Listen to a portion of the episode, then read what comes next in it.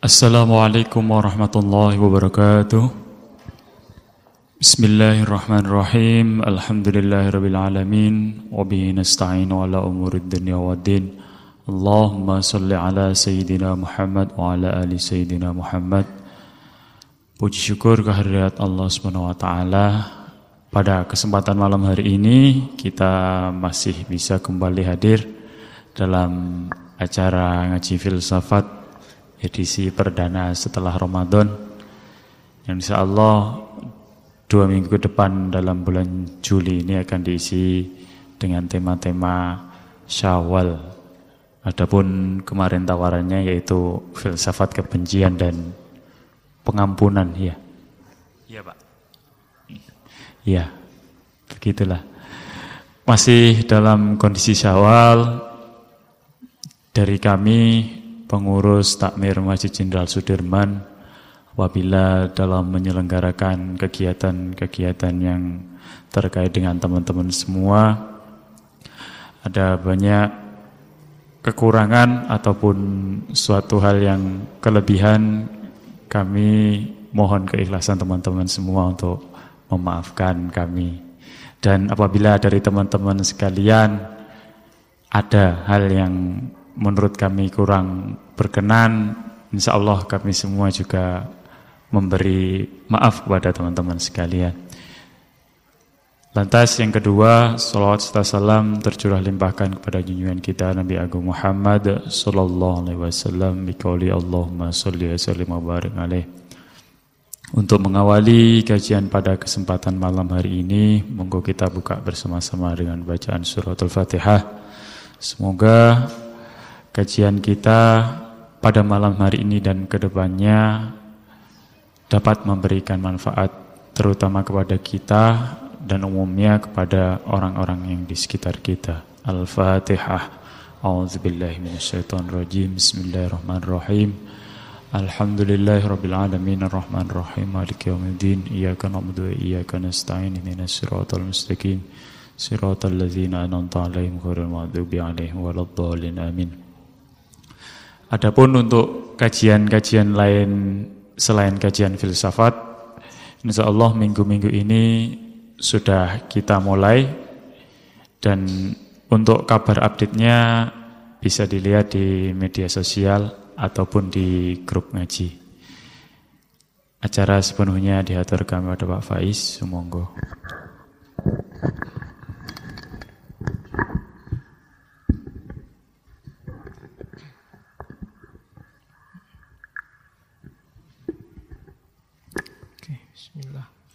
Assalamualaikum warahmatullahi wabarakatuh.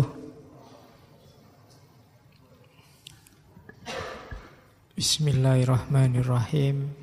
Alhamdulillah wa syukrulillah wa la hawla wa la quwata illa billah. Allahumma salli wa sallim wa barik ala habibina wa syafi'ina Sayyidina wa maulana Muhammadin wa ala alihi wa ashabihi wa ala al huda ila yaumil qiyamah. Amma ba'du. Ah, Alhamdulillah akhirnya kita bisa mulai lagi ngajinya. Ya setelah bolak-balik banyak yang tanya kapan dimulainya. Ya wis kita mulai aja.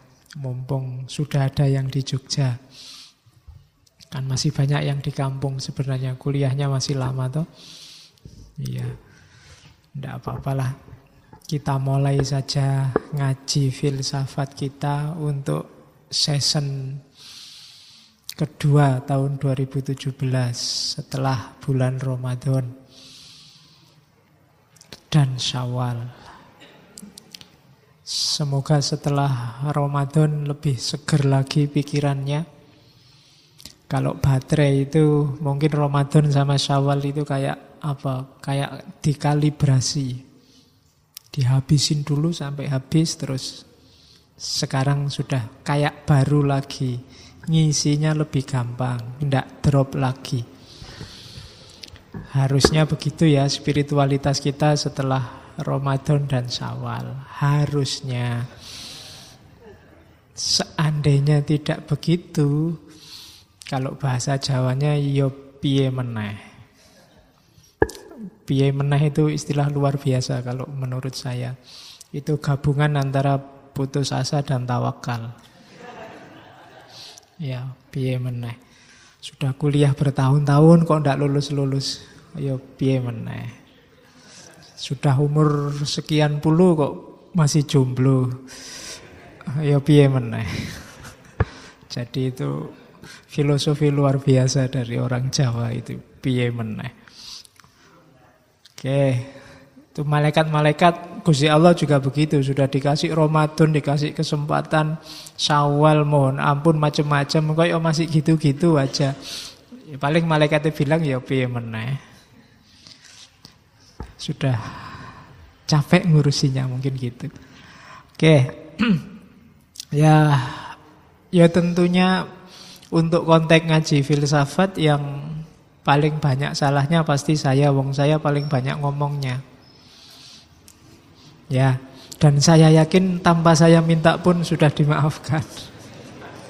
Saya juga begitu, kalian tidak usah minta-minta, sudah saya maafkan. Kalau bahasa populernya sesama saudara, sesama sahabat itu no sorry, no thank you. Tidak ada minta maaf, tidak ada terima kasih. Wong kita sudah friend, sudah plek. Jadi tenang aja. Kalau kalau antar kita tidak harus formal-formalan minal aidin wal faizin taqabbalallahu minna wa minkum enggak usah. Wong itu formalitas.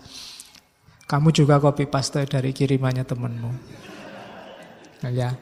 Yang penting setiap hari setiap ketemu saat kita berpisah kalau ada salahnya ya otomatis itulah minta maaf dan otomatis kalau ada bagusnya itulah terima kasih. Jadi tidak harus formal no sorry no thank you. Jadi tidak harus pakai makasih ya. Makasih ya itu kan untuk yang belum kenal. Minta maaf juga yang mungkin agak jauh tapi sesama kita sesama saudara kalau kalian ngaku loh ya dan nganggap saya saudara itu tidak harus formal-formalan. Kenapa kita sibuk luar biasa kalau Idul Fitri minta maaf ke kiri dan ke kanan? Mungkin kita belum serius ngaku saudaranya sama yang lain. Nunggu minta maaf dulu baru dimaafkan. Oke, jadi itu pengantarnya untuk sawal-sawalan. Kemarin teman-teman yang ke rumah, Pak ngajinya temanya apa Pak? Ya wis sawalan aja lah. Sebelum masuk ke berpikir yang lebih dalam. Karena ada dua minggu untuk bulan Juli saya ambil sebelum minta maaf saya ingin menebar kebencian dulu.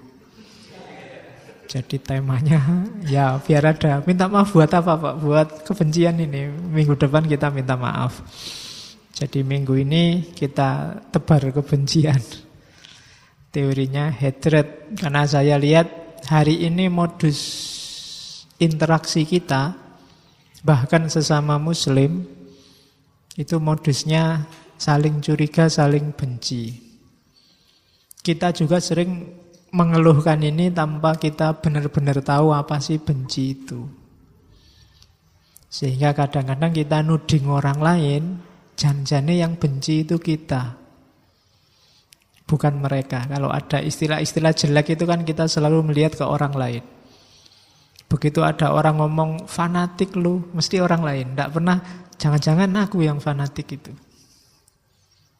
Kafir juga begitu, bid'ah juga begitu.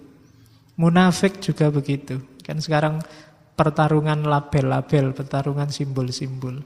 Yang itu selalu yang jelek-jelek kita pakai untuk orang lain.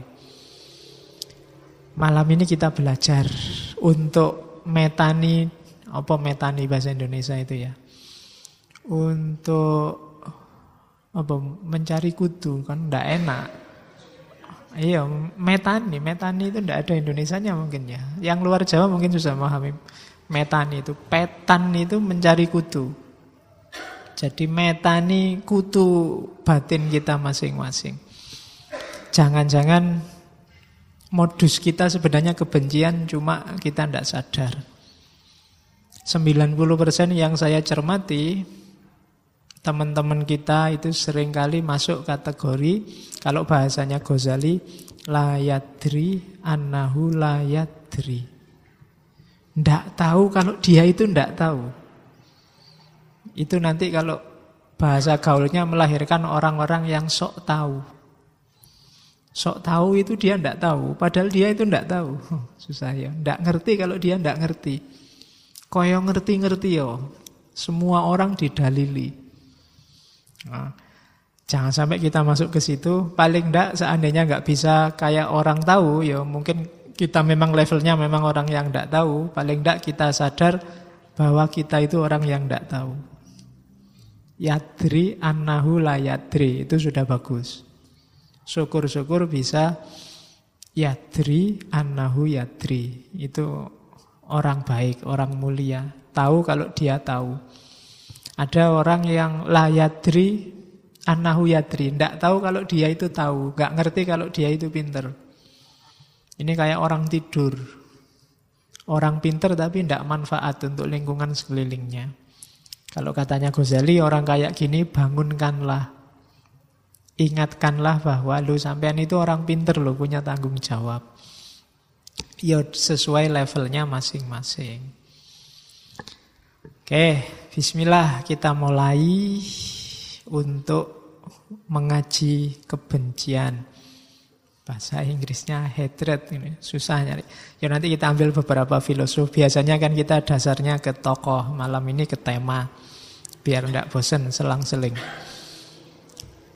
Oke, kita mulai ya. Bismillahirrahmanirrahim. Mari kita membenci. Temanya kebencian. Apa sih benci itu? Benci tidak sama persis dengan tidak suka. Suka dan tidak suka itu manusiawi. Bahkan tidak sama persis dengan marah. Meskipun marah kadang-kadang gejalanya benci. Gejala dari kebencian. Orang kadang-kadang kesenggol marah. Manusiawi. Disakiti terus marah atau takut. Itu manusiawi. Benci ini kayak makom selanjutnya. Makom atasnya. Kalau bahasa kamus benci itu sering diartikan di situ saya tulis a deep and extreme emotional dislike. Tidak suka tapi dalam dan ekstrim. Jadi ini babak selanjutnya dari tidak suka. Saya bilang tadi orang tidak suka itu biasa wajar. Tapi ketidaksukaan ini diapakan, ini yang menentukan akan lahir kebencian apa bukan. Kayak definisi selanjutnya itu. A deep, enduring, intense emotion. Dalam, tahan lama, intensif emosi. Yang mengekspresikan animosity, anger, hostility, kebencian, kemarahan, toward person, group, atau objek. Perhatikan ya, kalau benci itu berarti dia mendalam pasti. Kalau sekedar marah sesaat itu biasa. Berangkat ke sini naik motor tiba-tiba disalib anak-anak yang ya-yaan itu, Ush, itu kan marah kita. Nah itu biasa. Tapi kalau marahnya kita ingat-ingat awas nomor serinya berapa tadi, merek motornya apa, anak mana itu. Terus kita pelihara terus. Kapan pun kita ketemu motor itu, apalagi anak itu, ayo balapan. Terus kapan pun ketemu, lama kan intensif kita pelihara terus. Di situ lahir kebencian.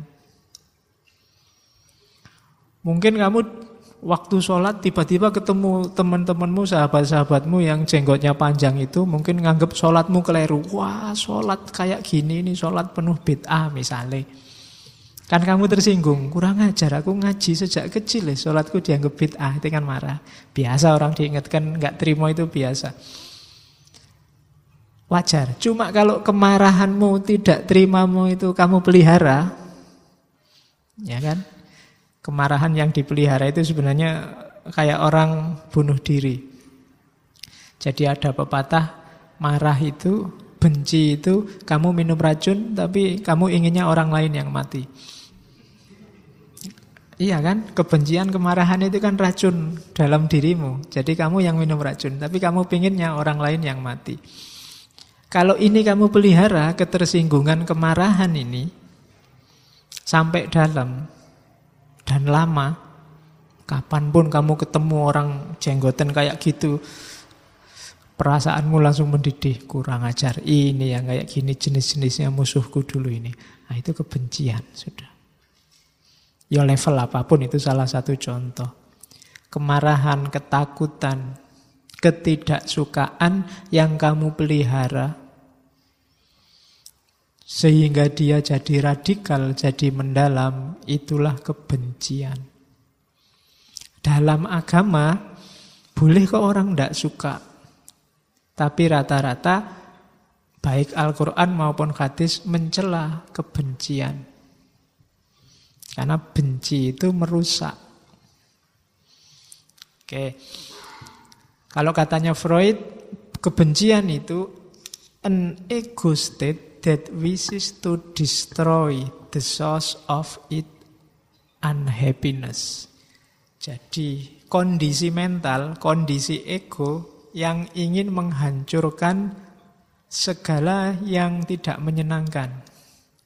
Segala yang membuat dia tidak bahagia. Dosen killer itu kan membuatmu nggak bahagia. Kalau bisa menurutmu hilang aja dosen kayak gitu. Ya kan? Entah oleh apa saya pinginnya dosen-dosen kayak gitu dimusnahkan. Misalnya, itu kebencian namanya. Ya kan? Temen yang usil, oh itu mungkin kan ada temen kadang-kadang usil, kamu ketemu aja menghindar-hindar. Karena dia suka ngusilin kamu. Nah itu terus kamu pingin dia lenyap aja lah. Nggak punya teman kayak gini orang padaan. Nah itu kebencian. Jadi ada bedanya dengan ketidaksukaan. Orang hidup itu biasanya pertimbangan ketika memutuskan sesuatu itu suka dan tidak suka. Normal. Tapi hati-hati ketidaksukaan yang kamu pelihara Jangan salah ya, memelihara sesuatu itu ada ongkosnya. Kalau kamu memelihara rasa marah, memelihara dendam, memelihara ketidaksukaan, ya nanti ongkosnya jiwamu sendiri, mentalmu sendiri. Hati-hati. Saya bilang tadi kamu sedang bunuh diri sebenarnya. Kamu sedang memelihara penyakit dalam dirimu. Oke, jadi deep, enduring, intense dalam tahan lama, intensif. Itulah nanti yang melahirkan kebencian. Jadi mulai sekarang ayo kita petani, dipetani lagi. Diri kita ada ndak sesuatu atau seseorang atau sekelompok orang yang kita pelihara dalam pikiran kita, dalam batin kita untuk kita kutuk terus-menerus atau kita harapkan kehancurannya terus-menerus, itulah kebencian. Oke. Terus kita lihat dulu pelan-pelan. Hakikatnya apalah kok bisa Pak orang itu membenci? Nanti ada beberapa perspektif. Yang pertama perspektif natural. Ada yang bilang, ini yang natural ini berdasarkan insting. Makhluk hidup, hewan, hewan ke atas, itu secara natural, hewan ke atas itu berarti manusia ya, manusia kan di atasnya hewan. Kecuali kamu merasa ada di bawahnya. Kan ada di Quran itu, isyarat orang yang levelnya di bawah hewan, asfala safilin. Manusia normal ini, termasuk binatang itu punya watak dasar agresif. Kenapa? Untuk mempertahankan spesies dalam rangka survive. Kamu kan pingin survive, pingin apa? Ya survive itu dalam istilah ekonomi sosial sering disebut sukses, pingin selamat, pingin lancar urusanmu. Keinginan ini kan sifatnya insting. Dan itu biasanya ada konsekuensinya. Kamu harus dalam tanda petik agresif pada yang di luar dirimu. Yang kamu anggap mengancam cita-citamu untuk survive. Ini sifatnya natural, sifatnya insting. Setiap orang pingin nyaman, pingin aman, pingin tidak terganggu. Nah, secara insting kemudian orang yang ingin aman nyaman ini jadinya mulai pasang kuda-kuda, jangan-jangan yang lain ini akan mengganggu kenyamanan keamananku. Terus cenderung agresif. Misalnya ada temanmu yang suka ganggu. Itu begitu temanmu yang suka ganggu ini, eh aku nanti sore main ke kosmu ya. Oh enggak usah, aku ada acara besok aja. Atau pokoknya kamu berusaha agar privasimu tidak terganggu. Kalau ada yang ganggu terus kamu agresif. Ini natural. Dalam rangka struggle for the fittest. Dalam rangka kamu beradaptasi. Nah, ini teori pertama. Berarti memang ada loh dalam diri kita bibit-bibit untuk membenci. Ya meskipun nanti sebaliknya kita juga punya fitrah untuk mencintai. Tinggal milih yang mana.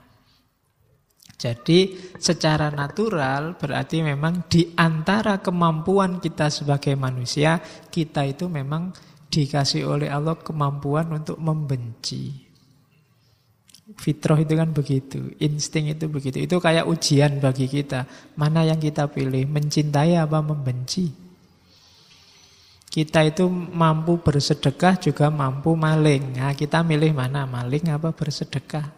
Itu bedanya manusia sama semua makhluk hidup yang lain. Kalau hewan kan nggak ada pilihan-pilihan itu, pokoknya dasarnya insting aja. Instingnya kawin, ya wis kawin gitu aja instingnya agresif ya sama temennya kadang serang-serangan. Kalau manusia kan dikasih akal, ada pilihan-pilihan.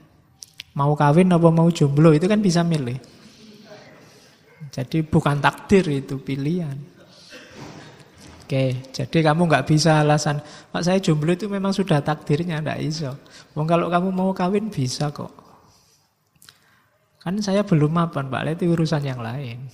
Tapi kalau kamu mau itu bisa. Nah itu namanya pilihan. Kalau hewan tidak ada pilihan. Kalau belum musim kawin, ya dia tidak pengen kawin. Begitu musim kawin dan pengen kawin, ya wis kawin sak kapoin. Setelah itu selesai. Nah itu hewan. Kalau manusia, dia dihadapkan pada pilihan-pilihan. Di antara nature-nya, pilihan manusia itu kebencian. Hmm. Ya sama, orang itu punya kemampuan untuk korupsi atau tidak korupsi. Tergantung kamu milih apa enggak. Ngaji atau tidak ngaji. Itu kan pilihan-pilihan. Oke, dua-duanya kamu mampu. Ngaji juga mampu, enggak ngaji juga mampu. Membenci juga mampu, mencintai juga mampu. Itu teori pertama. Oke. Yang kedua, ada perspektif psikologi. Katanya orang-orang psikologi, kebencian itu hasil dari pengalaman individual sejak kecil. Kita membenci apa, itu biasanya karena pengalaman.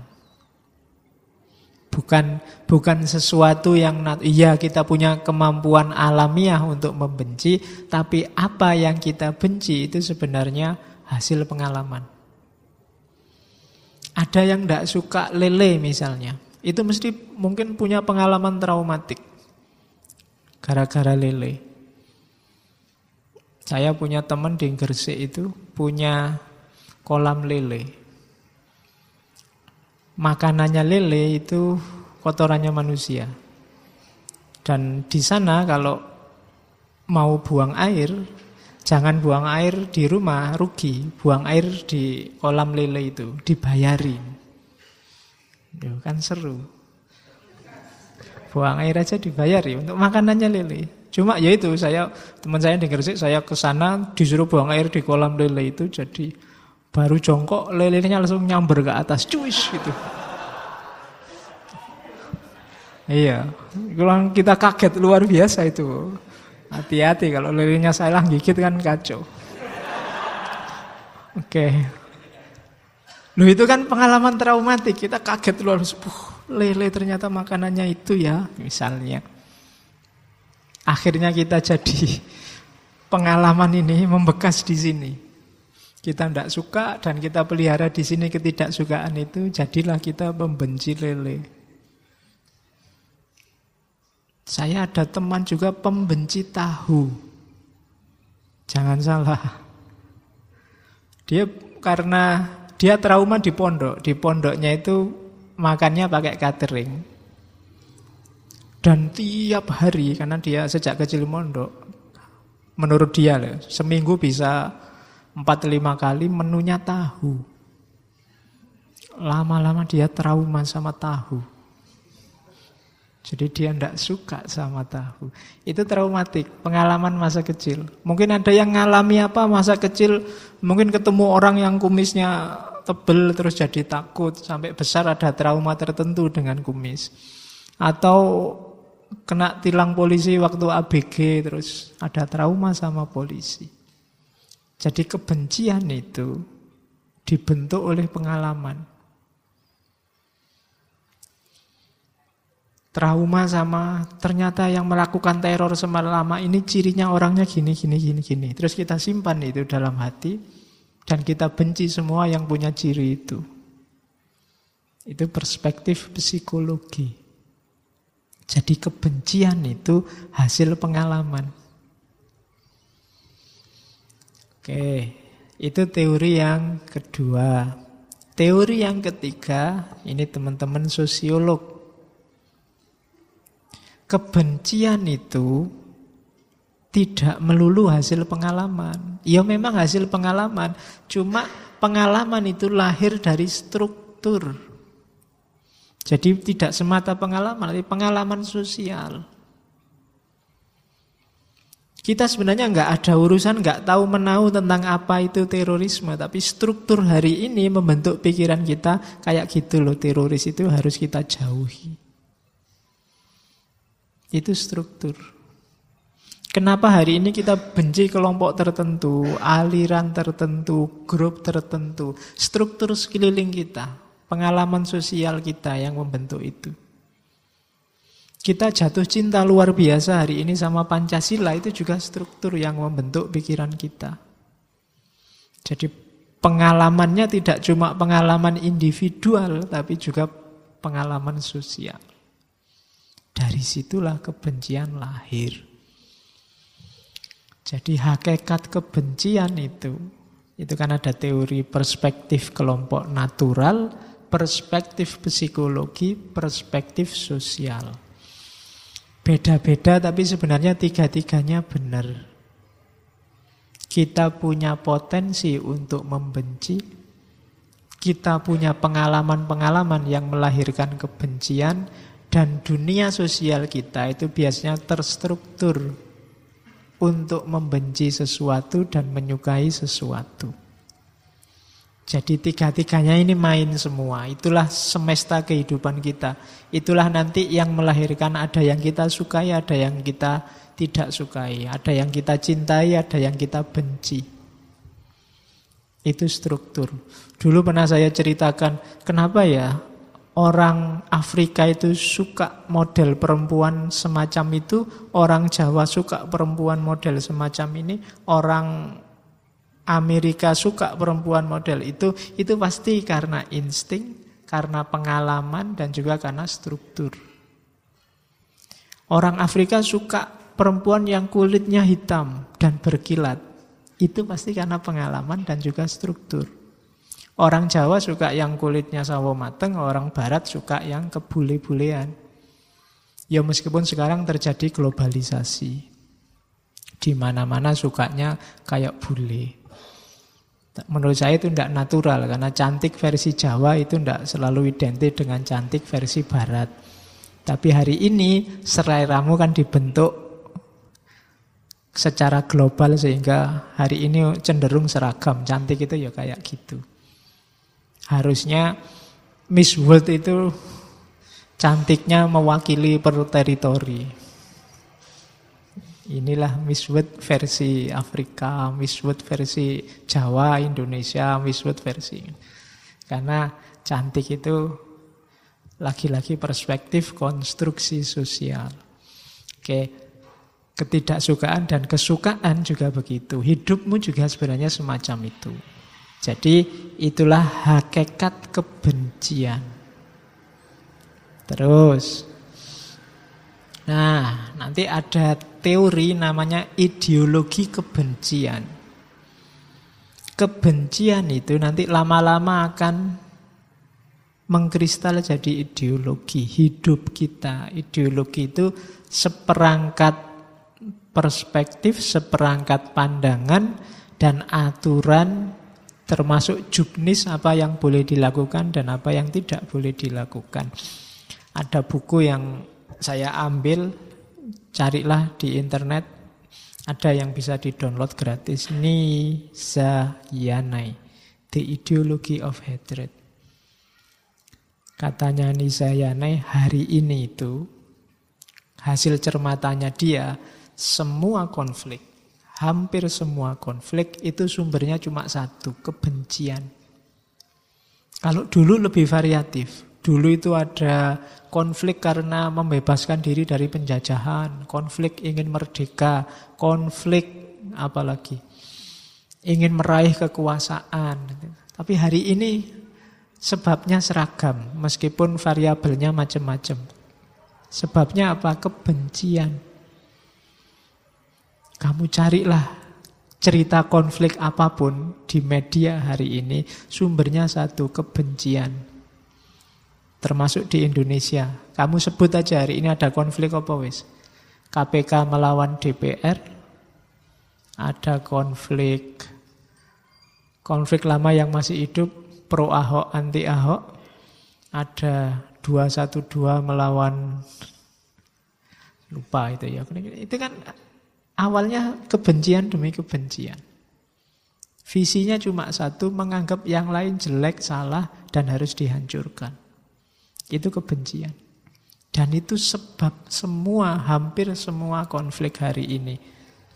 Simbolnya adalah kalau menurut buku itu, simbolnya adalah peristiwa 911. Itu simbol paling jelas hasil dari yang namanya kebencian.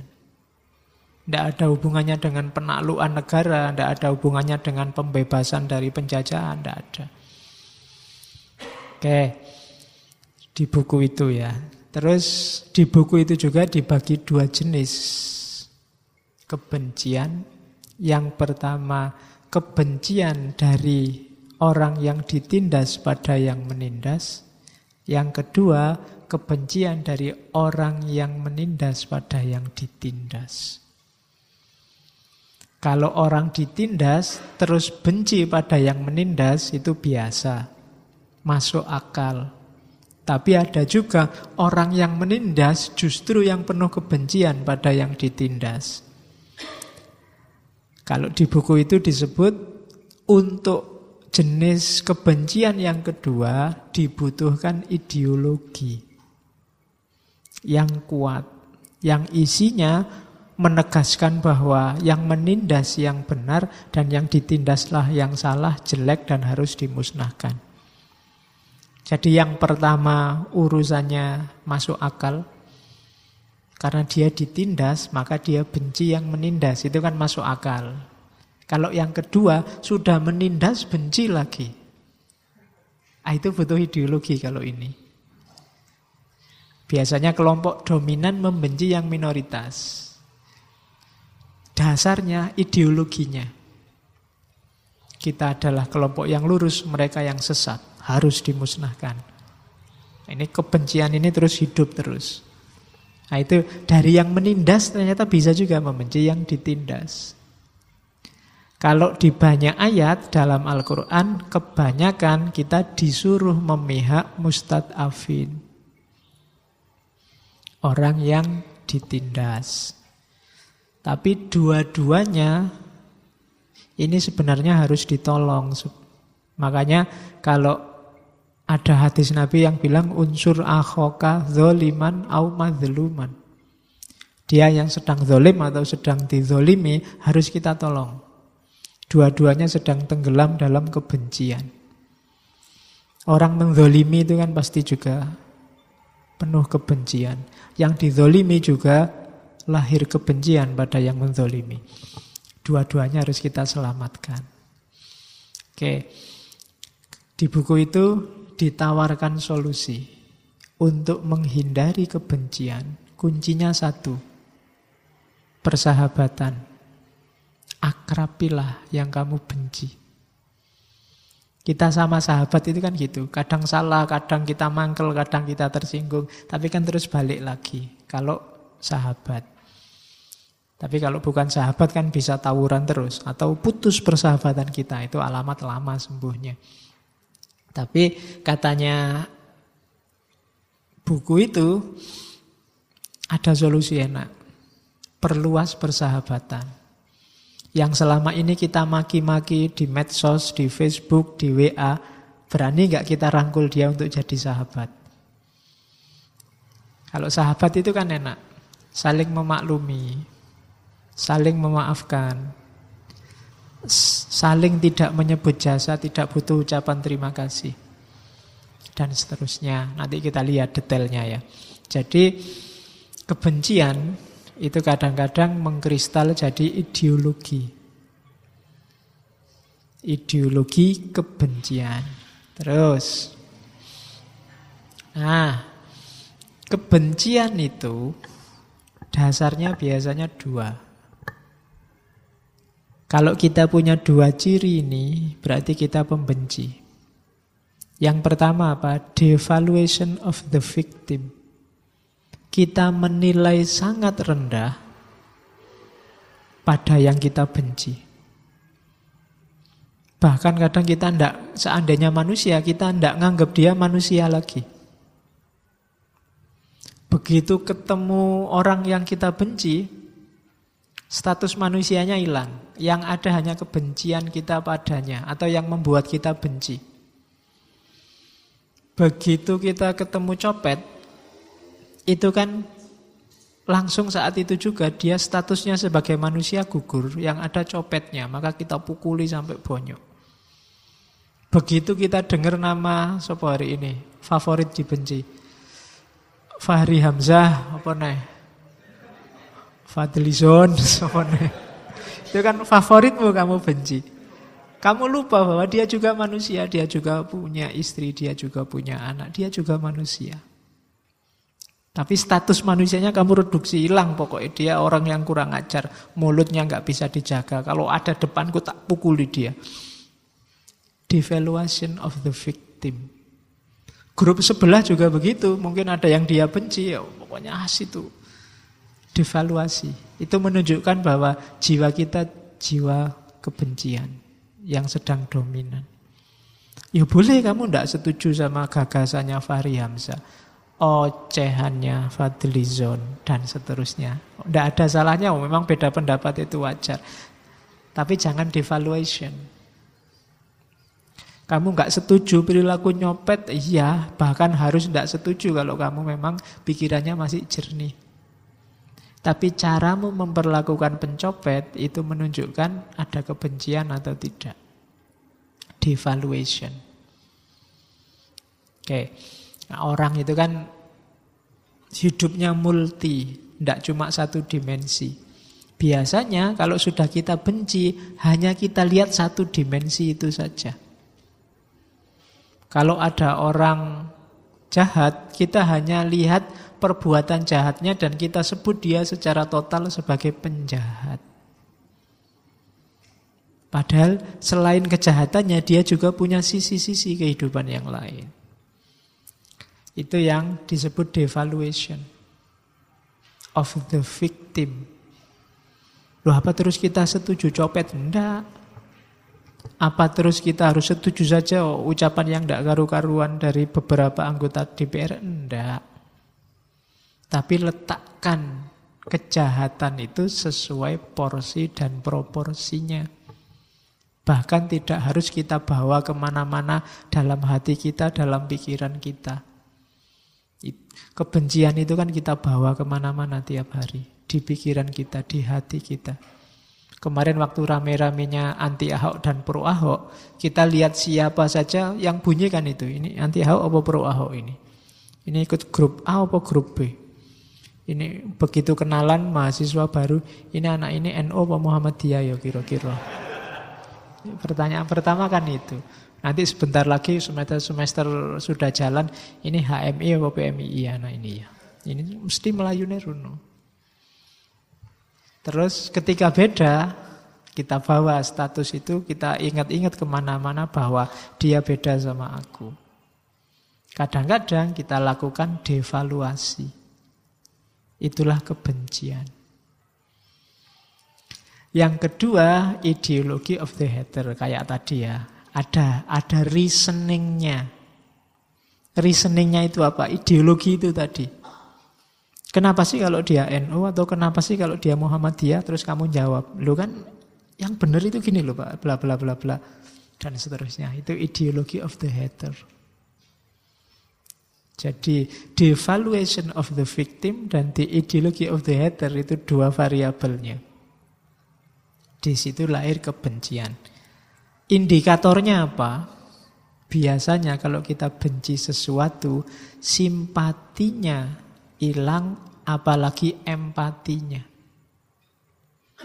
Empati itu turut merasakan.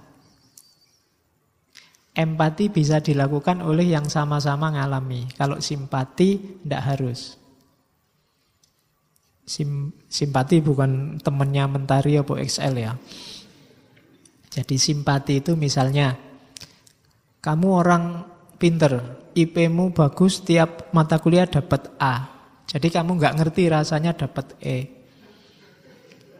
Terus temenmu dapat E. Kamu, wah aku turut simpati, aku turut sedih atas kamu dapat E. Itu, sedihnya kurang mantap karena dia nggak ngerti sakitnya dapat E. Itu sim itu namanya simpati. Kalau empati itu kamu kalau bahasa filsafatnya kamu bisa transposisi. Transposisi itu memposisikan dirimu di posisinya dia. Itu akan lebih mantep kalau kamu pernah ngalami langsung. Aku turut sedih kamu dapat eh dulu saya juga begitu. Nah, itu empati, bisa empati. Kalau simpati biasanya belum ngalami, tapi bisa juga. Cuma kurang dalam biasanya orang. Jadi itu bedanya. Nah, ketika orang benci, dua-duanya tidak akan bisa dilakukan. Orang yang kamu benci itu misalnya anaknya sakit atau habis cerai sama istrinya, kamu malah seneng. Rasa ke, kualat ya kui. Kamu mesti gitu. Kapan neh?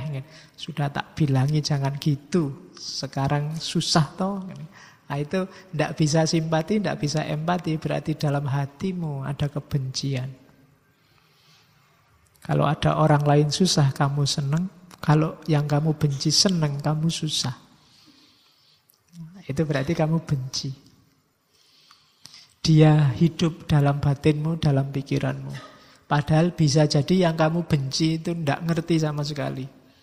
Kamu capek-capek benci, dia tidak kenal kamu, siapa kamu orang mana, hubunganmu apa, nggak nggak tahu dia. Tapi kamu tiap hari mikir terus sama terhadap dia. Makanya bagi banyak orang benci itu bukan lawannya cinta. Bahkan ciri-cirinya sama. Orang jatuh cinta dan orang benci itu sama-sama tidak bisa tidur mikir dia.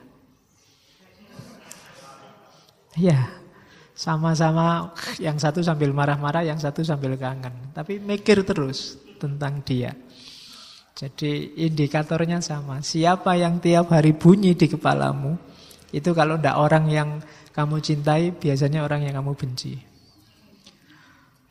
Oke, dasarnya kebencian itu. Terus, biasanya yang memicu kebencian itu adalah automatic thought. Automatic thought itu respon nalar yang otomatis. Jadi kenapa automatic thought? Karena orang yang bisa berpikir dalam melakukan refleksi panjang, muhasabah, tafakur itu biasanya susah membenci. Karena dia akan ketemu banyak sekali variabel yang jadi alasan untuk tidak harus membenci orang. Tapi biasanya otomatis. Begitu lihat orang pakai tato langsung mm, preman ini harus dijauhi. Itu otomatis. Begitu lihat orang punya jenggot, ah, hati-hati, jangan-jangan di tasnya ada. Itu otomatis thought. Begitu lihat orang pakai cadar, kamu sudah ilfil duluan pakai cadar ini. Hati-hati urusannya kan gitu. Itu automatic thought. Cara berpikir kita, cara kita menginterpretasi realitas sesuai dengan kepercayaan, prakonsepsi, asumsi-asumsi yang sudah kita hidupkan setiap hari di kepala kita. Kita tidak berpikir mendalam.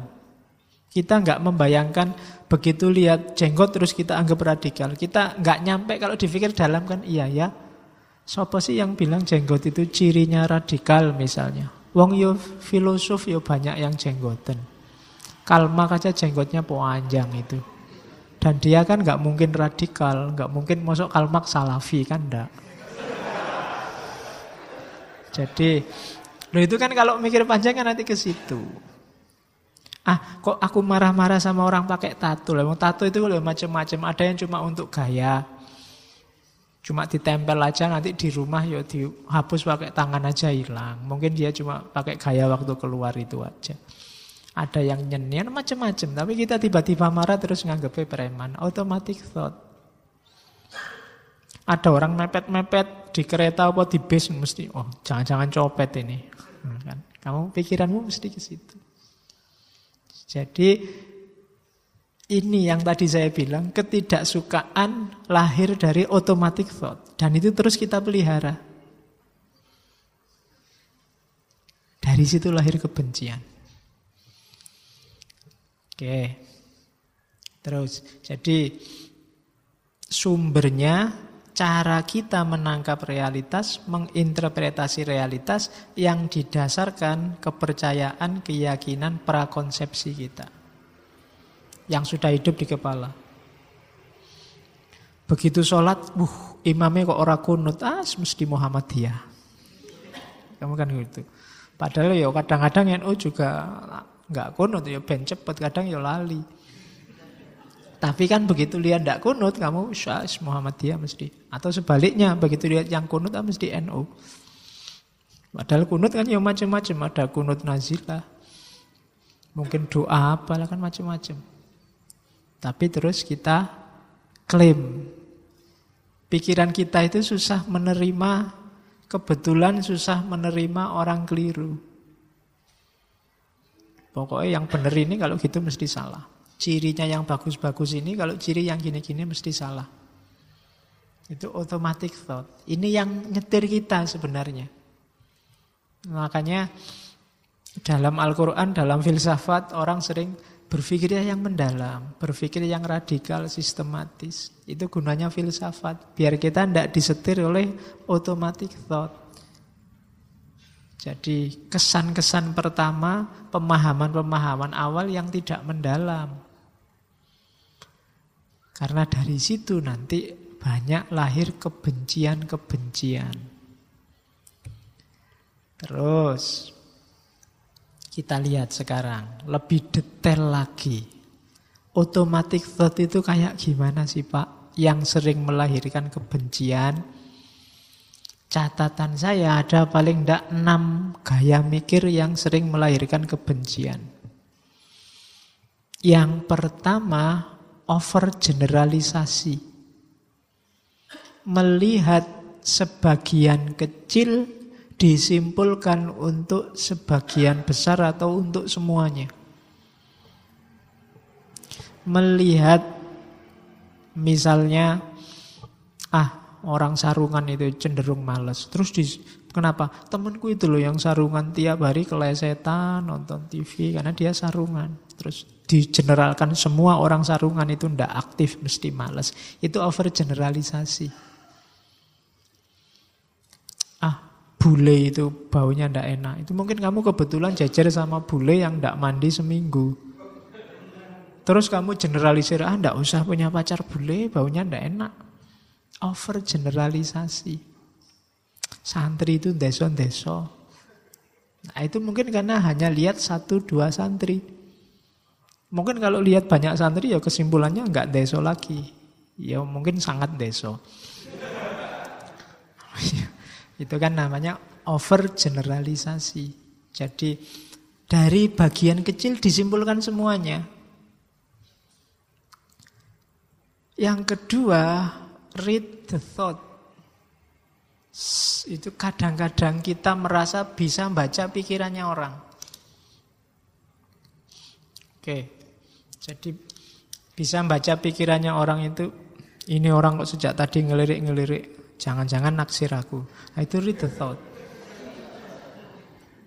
Jadi kayak bisa-bisa kita baca orang lain.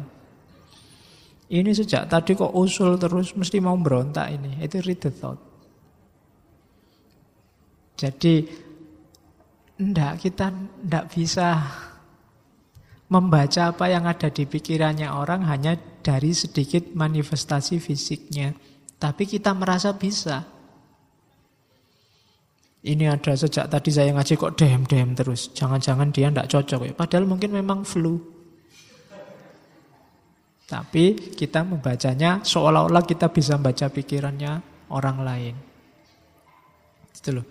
Ini ini ada orang pakai tato, kemudian keliwar-keliwar di depanku. Ini mesti dia ngincer aku ini. Itu read the thought. Sering melahirkan kebencian. Kayak kita ngerti-ngerti oh yang ada di pikirannya. Ini mesti orang ini ingin menghancurkan Indonesia. Oh mesti orang ini ingin selalu. Itu read the thought. Apa iya kita bisa? Yang ketiga, ada emotional reasoning. Emotional reasoning itu apa? Nalar emosi. Nalar emosi itu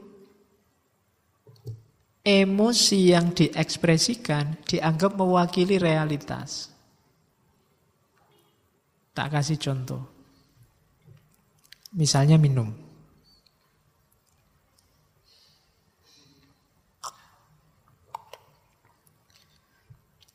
Terus saya bilang, ah kok gak enak gini tehnya ya. Loh, contoh-contoh jangan kok tak mire sedih.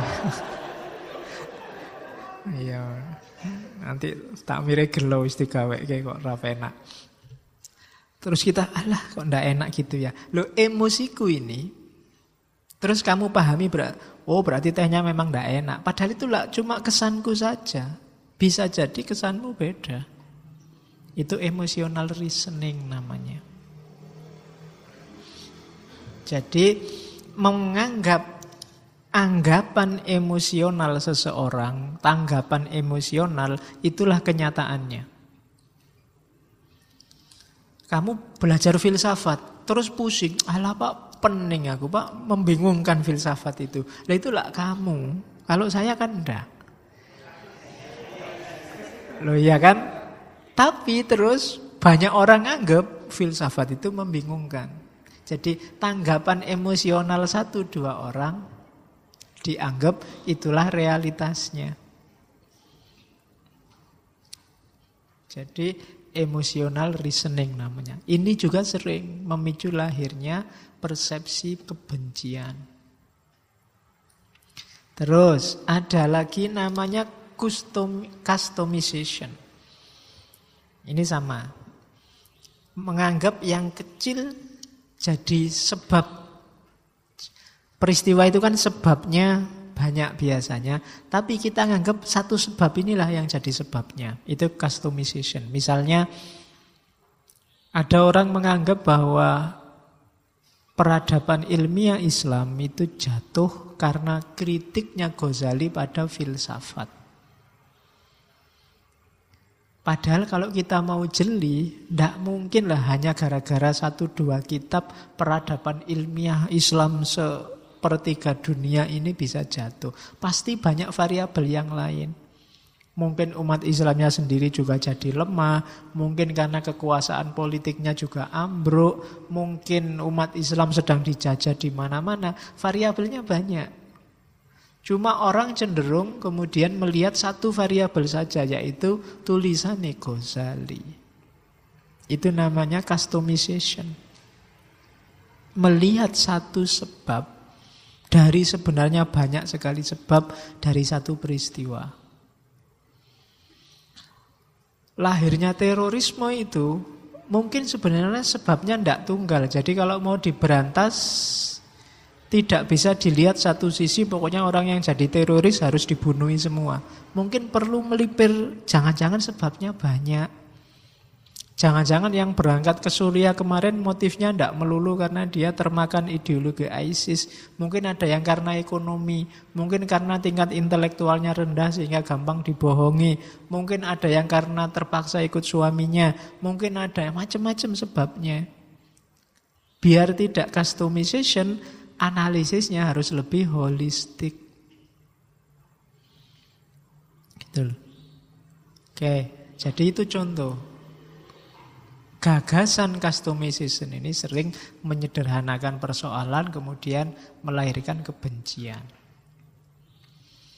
Terus ada lagi mirip kayak sebelumnya namanya maximization atau minimization. Membesar-besarkan hal kecil atau mengecil-ngecilkan hal besar. Ini sering kita lakukan. Jadi menganggap yang tidak penting, terus kita anggap penting. Atau yang sebenarnya sangat penting, kita anggap tidak penting. Apa sih pentingnya kostum, pentingnya baju misalnya? Kok kemarin ada viral gegeran tentang mana lebih utama, batik atau jubah? Terus kita tawuran berhari-hari itu kan goro-goro bahas batik atau jubah. Itu mungkin maximization. Atau jangan-jangan kita sering juga minimization. Ini penting loh, tapi terus bagi kita tidak penting ah, makanya terus tidak viral. Ah, kita harus jeli. Cara berpikir ini juga sering melahirkan kebencian. Ada juga yang catastrophic thinking. Biasanya orang yang gampang panik. Catastrophic thinking itu orang yang Sebenarnya itu sepele sekali, tapi bagi dia luar biasa. Orang yang katastrofik itu biasanya hal-hal kecil membuat dia panik luar biasa. Misalnya, kalau di situ tak kasih contoh, ibu-ibu itu sekarang sedang fobia, kena kanker, kena apa gitu kan. Mungkin ada yang ngecek meraba dadanya, loh kok ada benjolan ini? Belum periksa, belum apa. Waduh, jangan-jangan kena kanker aku. Waduh kena kanker berarti sebentar lagi mati aku. Waduh tiap hari terus. Jadi sudah stres kayak orang mau mati. Itu catastrophic thinking. Tiba-tiba mungkin ya ada santri ngaji tiba-tiba pakai cadar. Belum ada yang ini. Misalnya mungkin karena pilek atau apa terus pakai cadar. Kamu yang agak fobia dengan itu-itu. Dulu, kok ada yang pakai cadar? Wah ini sudah disusupi garis keras ini. Wah terus kamu gelisah luar biasa. Tidak kerasan ngaji. Ini harus sudah mulai dibubarkan ngaji ini. Sudah jadi radikal ini ngaji ini. Cuma gara-gara lihat satu teman putri yang pilek terus pakai cadar. Padahal dia cuma pilek biasa misalnya. Itu catastrophic thinking. Gampang panik. Tiba-tiba ada temanmu kos, ada kamar kosong sebelah, tiba-tiba yang nyewa kos-kosan itu orangnya jenggotnya panjang, pakai jubah. Oh, kamu panik mikir ndak karu-karuan. Jangan-jangan ini sebentar lagi ngerakit bom, terus kos-kosanku dibom misalnya. Itu catastrophic thinking. Gampang panik. Gitu loh. Pikirannya panjang. Ada temennya satu wisuda, waduh jangan, kok aku belum ya, wah kalau nanti jangan-jangan aku tinggal sendiri nggak lulus-lulus, waduh nanti kuliahnya ikut sama adik kelas, waduh deh pikiran ini. Sumpah karpe dewe. Itu catastrophic thinking. Ini juga sering melahirkan persepsi kebencian. Jadi hati-hati dengan enam gaya mikir ini. Over generalisasi, read the thought, merasa bisa membaca pikirannya orang padahal ya bukan peramal. Ya kan? Emotional reasoning. Tanggapan subjektif dianggap mewakili realitas. Itu emotional reasoning. Customization. Satu sebab dianggap mewakili semua sebab. Maximization atau minimization hal penting yang dianggap tidak penting atau sebaliknya hal tidak penting yang dibesar-besarkan dianggap penting. Dan yang terakhir, catastrophic thinking. Untuk menghindari ini tetap solusinya berpikir hati-hati, sistematis, dan dalam. Biar tidak gampang ketipu, tidak kesusu komentar. Kalau ada yang masih belum jelas benar. Dicermati dulu duduk persoalannya. Hari ini kita terlalu agresif komentar sehingga masalah yang biasa jadi luar biasa, akhirnya yang penting-penting kelewatan. Umatnya nggak tambah cerdas, tambah pinter debat, ilmunya nggak tambah, kemampuan gegerannya yang tambah argumen sana dibawa ke sini, sini dibawa ke situ terus. Nah, maka hati-hati dengan ini. Over generalisasi, read the thought, emotional reasoning, customization, maximization, minimization, dan catastrophic thinking. Terus, hati-hati juga mari kita lihat bagaimana orang yang benci terus melampiaskan kebencian itu merasa dirinya benar. Saya bilang tadi, kita sering tidak sadar loh kalau kita itu sedang benci, bahkan sedang membuli orang lain. Sedang melakukan kekerasan pada orang lain. Itu ada proses-prosesnya. Itu tak kasih contoh suami istri saja. Sebenarnya contohnya bisa macam-macam. Tapi kalau tak kasih contoh tertentu nanti ada yang tersinggung. Biarlah suami istri saja. Mumpung masih belum banyak yang punya istri dan suami di sini. Jadi biasanya ya keben, lahirnya kebencian dan kekerasan dan justifikasinya itu diawali dari event, ada peristiwa. Misalnya di situ ada peristiwa istri yang ngeritik suami. Biasanya peristiwa itu kan tidak pernah telanjang. Dia selalu kita pahami, kita interpretasi. Terus lahirlah interpretation of the event. Ketika istrinya ngeritik, suaminya merasa di matanya berarti aku ini tidak ada harganya. Jatuh harga dirinya. Kayak kamu dikritik temenmu. Atau dikritik dosen pembimbingmu. Terus wah dunia runtuh ini. Interpretation of event. Kamu interpretasi sendiri. Secara negatif. Biasanya terus setelah interpretasi yang negatif itu lahirlah stres. Hurt, ya kan, merasa tersakiti. Sakitnya di sini itu Pak, oh, itu stres berarti. Jadi merasa lemah, wah aku ini berarti tidak ada harganya sekarang aku. Kurang ajar aku direndahkan. Nah, terus setelah itu ada secondary interpretation, tafsir selanjutnya terhadap apa? Terhadap stresnya itu. Berarti aku ini korban, malang sekali aku ini. Ah, kasihan ya aku ini. Itu secondary interpretation. Dari situ lahirlah kebencian. Marah, ingin balas dendam. Awas besok. Hati-hati kalau butuh aku. Hmm. Hostility.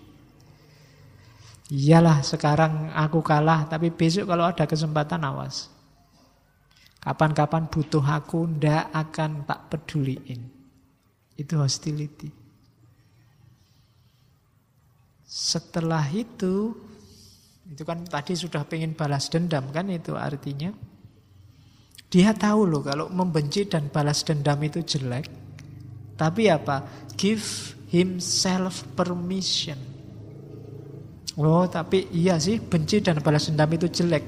Tapi ini sudah wajar. Wong dia sih yang tidak sopan. Dia sih yang kurang ajar. Boleh sekarang aku balas dendam. Hakku sekarang balas dendam. Mata balas mata, hidung balas hidung give himself permission. Baru lahir action. Ya karena laki-laki ya istrinya terus dipukuli. Itu action, kekerasan. Dari kebencian lahir kekerasan. Kamu dikritik temenmu, terus marah, akhirnya action. Barangnya kamu sembunyikan. Laptopnya kamu rusak, dan seterusnya. Itu action. Dan menurut kamu, salah dewe, saya disinggung kayak gitu, saya disakiti sampai segitunya, ya rasa ke. Awas nanti pacarmu tak rebut misalnya. Contohnya ngono. Sah no. Kenapa sah? Kamu menyakiti aku terus sih. Nah, itu give himself permission. Lah dia maki-maki kiaiku eh, ya tak bales no kiainya tak maki-maki. Ndak dosa no aku, kan dia duluan maki-maki kiaiku. Nah itu give himself permission. Seolah-olah kalau orang lain melakukan salah, boleh juga aku melakukan salah. Dan dia bikin fitnah terus ya. Kalau tak biar-biarin, jatuh kita. Ayo kita bikin fitnah juga, biar sana juga jatuh. Imbang sudah pertarungannya. Nah, itu legitimasi kebencian. Dia maki-maki duluan ya Pak. Kalau kita nggak maki-maki, nanti skornya ndak imbang. Biar skornya imbang, saya maki-maki juga. Kan gitu. Kan ada kan hadis yang bilang ada orang yang maki-maki bapaknya sendiri. Terus sahabat bilang, apa ada Rasul orang maki-maki bapaknya sendiri? Ada. Kamu maki-maki bapaknya orang lain sehingga dia marah dan tersinggung. Terus orang lain maki-maki bapakmu. Itu sama dengan kamu sebenarnya sedang memaki-maki bapakmu sendiri. Hari ini kita banyak begitu. Dan kita merasa benar. Itu dilegitimasi kebencian. Karena lah dia duluan ya Pak. Dan di sana begitu dibalas, bikin lagi yang lebih dahsyat lagi. Kita juga, oh kalau gitu saya bikin lagi. Emangnya kalau cuma nipu aja siapa? Kita juga bisa. Hari ini kita berbalas kebohongan. Dalilnya bohong pada orang yang bohong itu sah. Ya kan? Kan ada kan yang bilang begitu? Jadi give himself permission. Biasanya pakai ada gium sombong pada orang yang sombong, itu sodako. Cuma kita makainya di konteks yang tidak pas. Sehingga akhirnya yang terjadi ya memang kita benar-benar jadi orang sombong. Oke. Jadi coba dicermati ya, mana perilaku kita yang ikut alur ini. Jadi kita melegalkan kebencian kita, melegalkan kekerasan, bulian yang kita lakukan dengan alasan itu sah. Karena yang memulai bukan saya. Dia duluan. Kita kan punya harga diri. Kita kan punya status. Masa dia lecehkan begitu saja? Nah, itu legitimasi kebencian. Oke. Terus.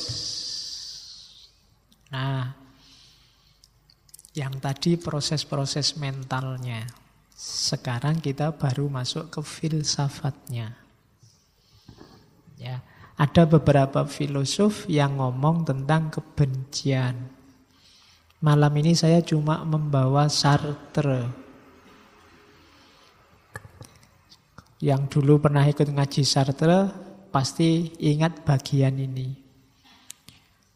Istilah lainnya fenomenologi kebencian. Sartre dikenal sebagai filosof eksistensialis. Fenomenolog sebelum Sartre, Heidegger atau Husserl, itu tidak pernah nyinggung ini. Kalau bagi Heidegger atau Husserl ya kita hidup bersama itu sifatnya faktisitas. Kita ya sudah faktanya hidup bareng ya gimana lagi. Tidak pernah membahas modus hidup bersamanya. Nah kalau di Sartre dia lebih jauh ngomong bahwa keberadaan kita yang bersama orang lain itu bermasalah ketika kita sadar kehadiran orang lain. Yuk, mikirnya agak pelan-pelan. Ya, Ketika kita sadar ada orang lain, orang kehadiran orang lain ini bagi kita adalah ancaman. Katanya Sartre. Ancaman pada apa? Ancaman pada eksistensi kita, subjektivitas kita, keberadaan kita, dan sekaligus kebebasan kita. Misalnya tak kasih contoh.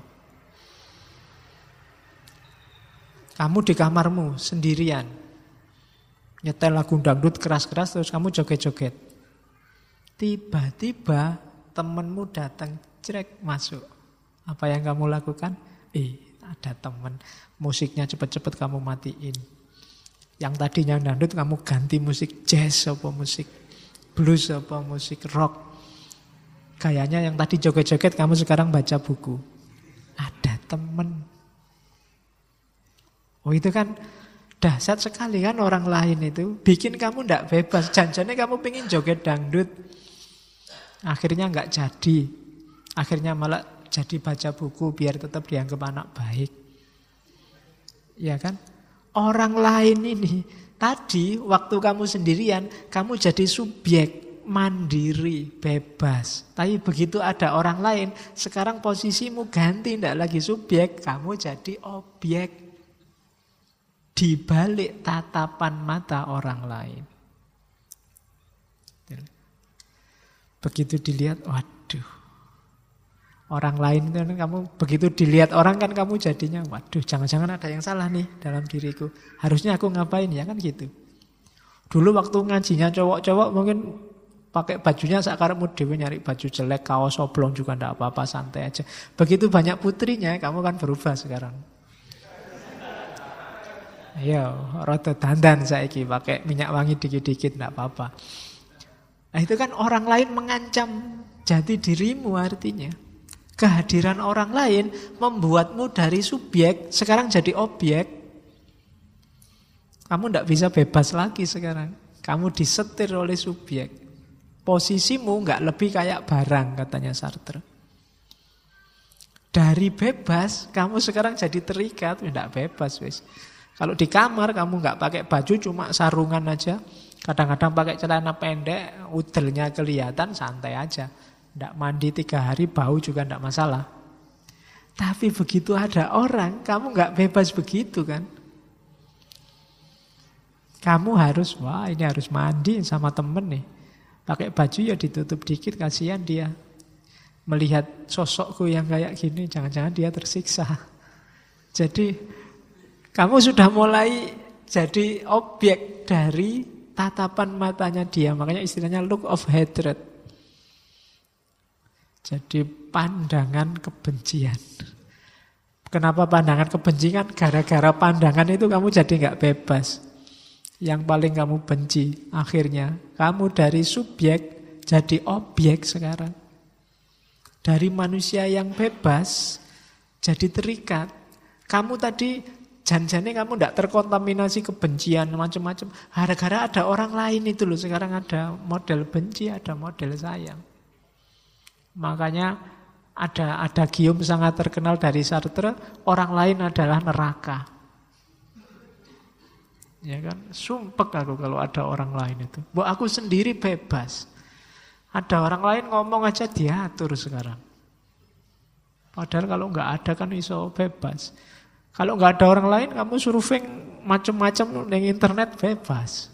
Begitu ada orang lain, aduh. Dari situs-situs itu sekarang ganti situs Al-Quran dan terjemahnya. Karena ada orang lain yang lihat. Oke, jadi wah, kurang ajar orang lain itu kan gitu akhirnya. Look of hatred. Gara-gara dilihat orang lain. Dari subjek, sekarang aku jadi objek. Nah, kelanjutannya terus bagaimana? Satu-satunya jalan biar aku ndak jadi objek, ayo bertarung. Subjek dengan subjek. Nah, kalau aku jadi objekmu, sebaliknya juga sekarang kamu juga bagi objekku. Gitu loh. Temenmu yang datang jadi, dia juga sekarang objekkanlah. Saling mengobjekkan. Jadi pertemuan antar manusia itu pertemuan pertarungan untuk siapa yang jadi objeknya siapa. Saling mengancam, siapa lebih kuat.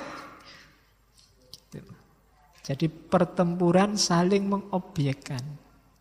Daripada aku yang jadi objek, sekarang tak balik. Kamu aja yang jadi objek. Sekarang kamu tak atur gimana caranya biar kamu yang manut sesuai perspektifku. Temanmu datang lihat kamu tadi joget-joget, sekarang kamu nggak jadi joget, kurang ajar. Sekarang gantian, kamu yang jadi objek. Eh, kalau ke kamarku sandalnya dilepas. Eh, kalau sekarang kan jadi dia nggak bebas sudah. Kalau ke kamarku tunggu di sana di ruang tamu jangan masuk dulu itu kan pokoknya itu kan pertarungan saling mengobjekkan. Temenmu tadi maunya bebas pakai sandal tidak bisa bebas sekarang. Kamu yang mengobjekkan dia sekarang. Jadi hidup ini katanya Sartre pertarungan saling mengobjekkan. Ngaji ini siapa subjek siapa objek. Oh, itu pertarungan sebenarnya cuma kamu tidak sadar. Siapa yang bebas, siapa yang terikat, siapa yang masing-masing orang mengekspresikan perjuangannya sendiri-sendiri. Meskipun kamu tidak sadar. Dosen sama mahasiswa itu juga pertempuran saling mengobjekkan. Pemerintah sama rakyat itu juga pertarungan saling mengobjekkan. Siapa yang harus manut siapa? DPR sama pemerintah, KPK sama DPR itu saling mengobjekkan. Selalu begitu. Itulah fenomenologi kebencian. Itulah fenomenanya. Kenapa kebencian itu jadi modus dalam kehidupan? Karena ternyata setiap orang itu ancaman bagi eksistensi orang yang lain. Jadi lebih mudah membenci daripada mencintai. Kalau saling mencintai itu bisa nggak Pak? Bisa, tapi itu modus. Cinta itu modus lagi-lagi apa? Untuk saling mengobjekkan. Modus untuk siapa yang menang, siapa yang ngatur, siapa jadi objeknya siapa. Gitu loh. Gara-gara punya pacar, akhirnya kamu hidupnya ada di mata pacarmu, kamu diobjekkan oleh pacarmu. Entah cara berpakaian, entah menghabiskan waktu malam mingguan, entah itu kan saling mengobjekkan. Katanya kamu cinta, disuruh cukur aja ndak mau. Oh ya deh aku tak cukur. Loh, itu kan saling mengobjekkan. Ya kan? Katanya sayang, masa jemput gitu aja nggak mau, ya wis tak jemput. Itu kan pertarungan saling mengobjekkan. Katanya cinta, diapeli aja ndak mau, nolak terus diajak jalan-jalan kok ndak mau. Ya, ya wis resikonya. Itu sebenarnya saling mengobjekkan.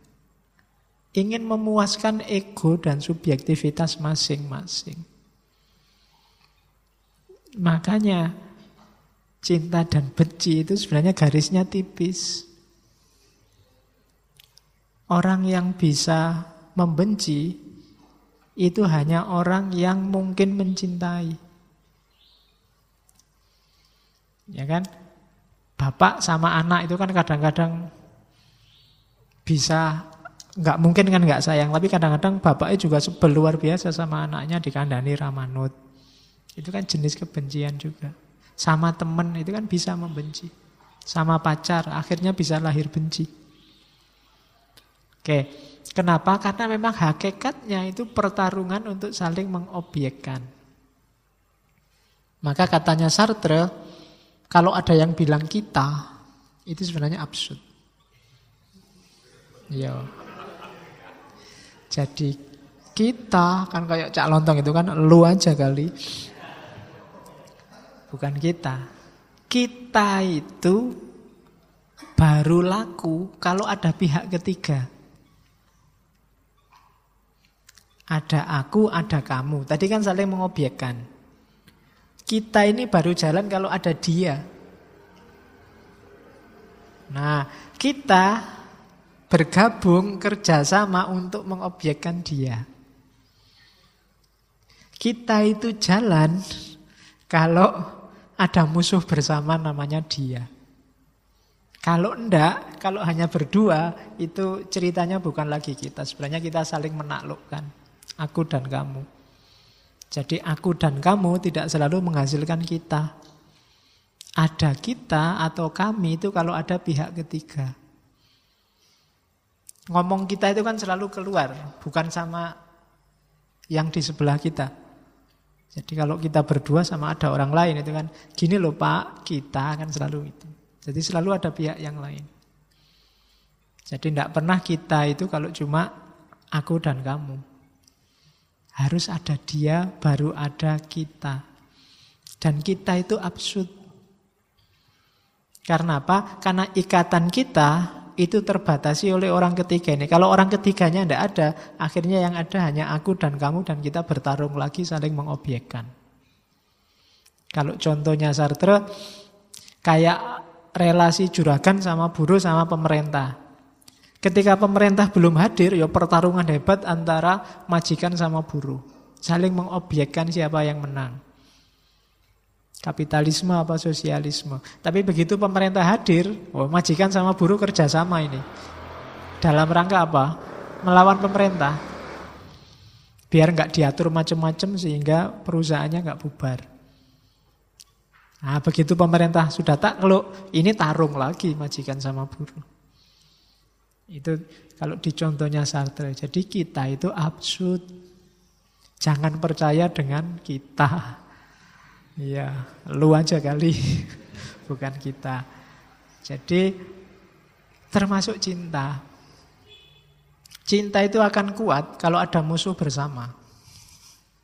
Berdua. Kalau tidak ada musuh biasanya gegeran dewe. Karena yang ada aku dan kamu. Kalau ada kita jatuh cinta, ini loh ada orang ketiga yang ganggu, yang sama-sama nggak disukai, itu biasanya tambah kuat. Bapaknya tidak setuju, itu biasanya lebih kuat ikatannya. Mari kita lawan bersama. Itu bapaknya kuat. Tapi dibiarin aja gegeran dewe mesti. kayak cerita Romeo and Juliet itu, itu menurut saya keliru kalau ditentang oleh bapaknya. Kalau bapaknya nggak setuju, biarin aja. Nanti mesti gegeran dewe. Kayak anak sekarang kan gitu, pacaran ben nanti lah gegeran dewe. Seandainya nikah kan nanti ya mesti gegeran dewi ngurusi anak gegeran, nyari kerjaan gegeran, nyari itu gegeran. Itu hubungan aku dan kamu. Makanya sekarang artis-artis itu kan gampang cerai. Karena aku dan kamu saling mengobjekkan. Begitu yang satu merasa tidak bisa menaklukkan, atau yang satu merasa tidak cocok ya terus cerai. Alasan cerai kan simpel, tidak cocok lagi. Iya kan? Itu kenapa? Itu pertarungan untuk saling mengobjekannya tidak sukses. Masing-masing ingin menang. Oke, jadi itu Sartre. Ternyata kita itu absurd. Kita baru berfungsi kalau ada musuh bersama. Kemarin itu ada yang demo bareng-bareng ke Jakarta itu. Kenapa bisa kompak? Ada musuh bersamanya. Sekarang musuh bersamanya hilang. Tidak ada kita lagi. Ada yang diriin partai. Sekarang mulai gegeran. Terus tidak setuju, bukan saya yang bikin partai itu, tapi grup sana. Ini ada yang bela konglomerat. Ah, itu tidak cocok bilang gegeran dewi. Kenapa? Musuh bersamanya sudah hilang. Kitanya tidak ada lagi sudah. Yang ada aku dan kamu sekarang. Nah, itu fenomenologi kebencian. Jadi Sartre ini kayak Thomas Hobbes yang bilang bahwa fitrahnya manusia itu negatif. Manusia itu selalu ingin memangsa yang lain. Jadi kalau dibiarin tanpa aturan, ya hasilnya mesti kacau. Kalau tidak percaya, sekarang hapus semua undang-undang, hapus semua aturan, besok mesti rusak. Contohnya, gampang wis, jalan itu semua lampu merah dibuang, semua aturan dibebaskan. Terserah mau mengemudi satu arah, dua arah sakarepmu. Besok bubar itu jalan-jalan itu. Jangan dikira. Iya. Kenapa? Katanya sama Sub, ya memang dasarnya manusia itu negatif sakarepe dewi. Pengen, pengen selalu mengalahkan yang lain, lebih enak dari yang lain, lebih unggul dari yang lain. Itu fenomenologi kebencian. Terus ada teori kebencian ini nanti ngomong variabel-variabelnya benci. Namanya duplex theory of hatred. Yang punya teori Steinberg dari buku Psychology of Hate. Jadi silahkan dicari bukunya, dibaca. Ya nanti beberapa saya sebut di awal itu. Misalnya kebencian itu secara psikologis berhubungan dengan cinta bukan lawan dari cinta. Karena lawannya cinta itu bukan benci tapi abai, cuek. Ya, cinta itu bukan lawannya benci. Orang benci sama orang cinta itu sama-sama perhatian. Sama-sama mikir. Meskipun dalam bentuk yang berkebalikan. Apa yang berkebalikan? Itu loh tiga hal itu. Yang pertama intimasi, yang kedua passion, yang ketiga komitmen. Orang yang benci itu berarti intimasinya lenyap, passionnya lenyap, komitmennya lenyap. Kebalikannya kalau orang yang cinta itu dia intim, passion, dan komitmen.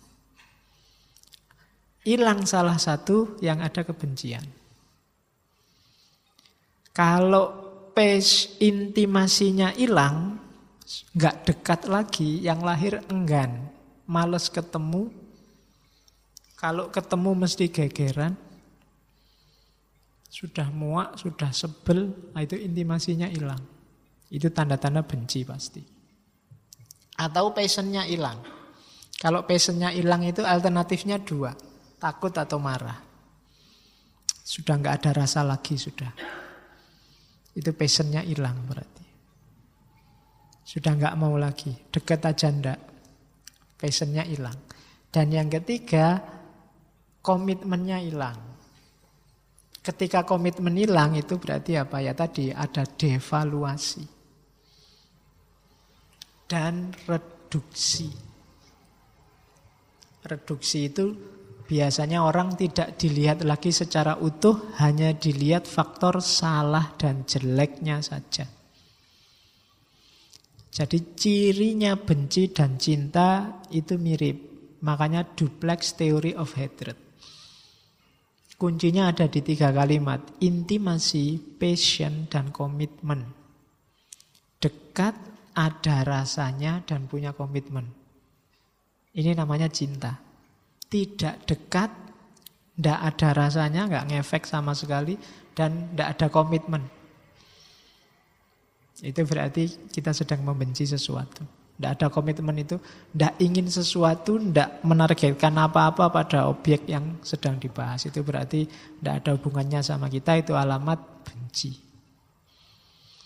Oke, itu duplex theory of hatred.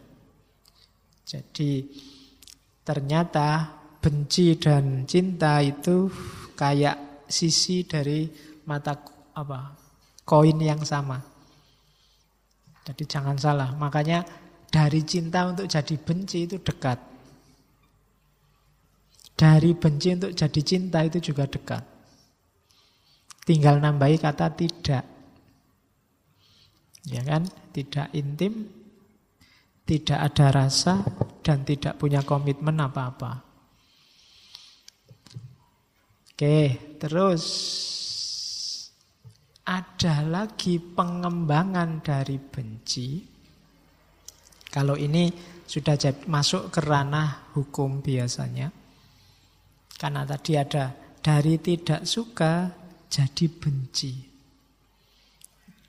Terus kebencian itu ketika diekspresikan dan ekspresinya dalam wilayah yang melanggar hukum Itulah namanya hate crime. Tindakan kejahatan terhadap orang, properti, organisasi yang dasarnya benci. Biasanya didasarkan pada identifikasi asal-usulnya. Dasarnya prasangka.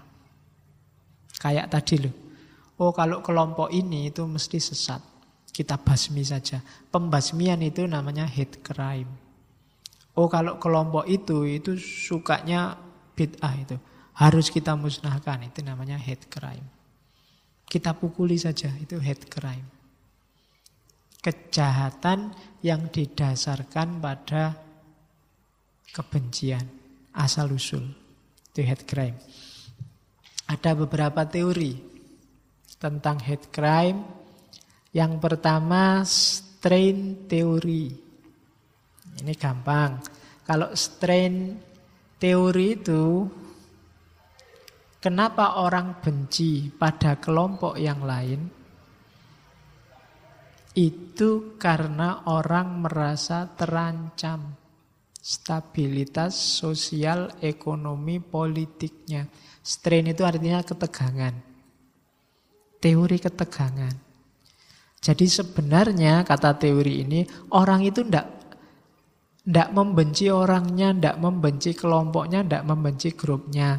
Cuma dia khawatir dan takut kemapanan ekonomi, kemapanan sosial, kemapanan politiknya terganggu. Contohnya, saya kasih contoh yang orang Afrika yang di Amerika, Afro-Amerika. Itu kan dulu mereka pendatang. Awalnya Buddha. Sampai hari ini mereka sering sekali mengalami diskriminasi oleh mayoritas. Sebenarnya loh, orang Amerika plural gitu loh kok masih bisa diskriminasi karena memang bukan bedanya yang bikin mereka benci, tapi ketakutan bahwa jangan-jangan orang-orang ini nanti merebut sumber daya, merebut kemapanan, stabilitas ekonomi yang sekarang saya rasakan. Kita sudah enak-enak ya sekarang. Nanti kalau mereka datang, jangan-jangan pos-pos penting ditempati oleh mereka. Itu takut. Kita sekarang yang mayoritas ya, kalau kita biarkan yang minoritas berkembang, jangan-jangan posisi kita terancam nanti. Kayak zaman Nabi dulu loh. Nabi itu dulu awalnya kan minoritas di kalangan masyarakat Arab. Para kafir Quraisy itu sebenarnya tahu yang dibawa Muhammad itu kemungkinan benar memang. Cuma kalau tak terima minoritas Muhammad dan para sahabatnya, jangan-jangan kemapanan ekonomi kita, kemapanan politik sosial kita terusi oleh kehadiran Muhammad. Kita nanti nggak jadi pionir lagi, nggak jadi orang besar lagi nggak jadi tokoh lagi. Itu namanya strain teori, teori ketegangan. Takut kalau yang minoritas ini mengganggu stabilitas yang mayoritas. Ya contohnya banyak kalian bisa ngambil contoh macam-macam. Namanya strain teori. Jadi kekhawatiran minoritas, eh kekhawatiran mayoritas kalau yang minoritas mengganggu stabilitas. Kemapanan mereka. Itu namanya strain teori. Contohnya banyak hari ini tinggal kamu ganti variabel-variabelnya. Oke, terus teori kedua. Yang kedua namanya teori doing difference. Teori doing different ini nggak melihat kepentingan lagi, tapi melihat perbedaan. Jadi kalau tadi yang dianggap mengancam itu kan urusan kepentingan ekonomi sosial. Kalau di yang kedua ini urusan identitas. Biasanya dalam sebuah masyarakat itu ada namanya in group. In group itu grup kita, identitas kita. Misalnya sepowes, yang NU NU atau yang Muhammadiyah Muhammadiyah itu kan punya in group sendiri ya yang kelompok NU atau yang kelompok Muhammadiyah. Biasanya punya ciri-ciri sendiri. Nah, doing different ini mereka akan takut kalau ada inovasi baru yang berbeda dengan identitas yang lama. Pokoknya ya, kita kan grupnya contoh paling gampang ya misalnya teman-teman NU, cirinya tahlil, kunut. Yang Muhammadiyah cirinya apa ya susah aku boleh. Pokoknya itulah itu ciri-ciri in group. Nah ini mereka merasa kalau ada minoritas baru yang menawarkan ciri yang berbeda, yang merusak identitas in group tadi.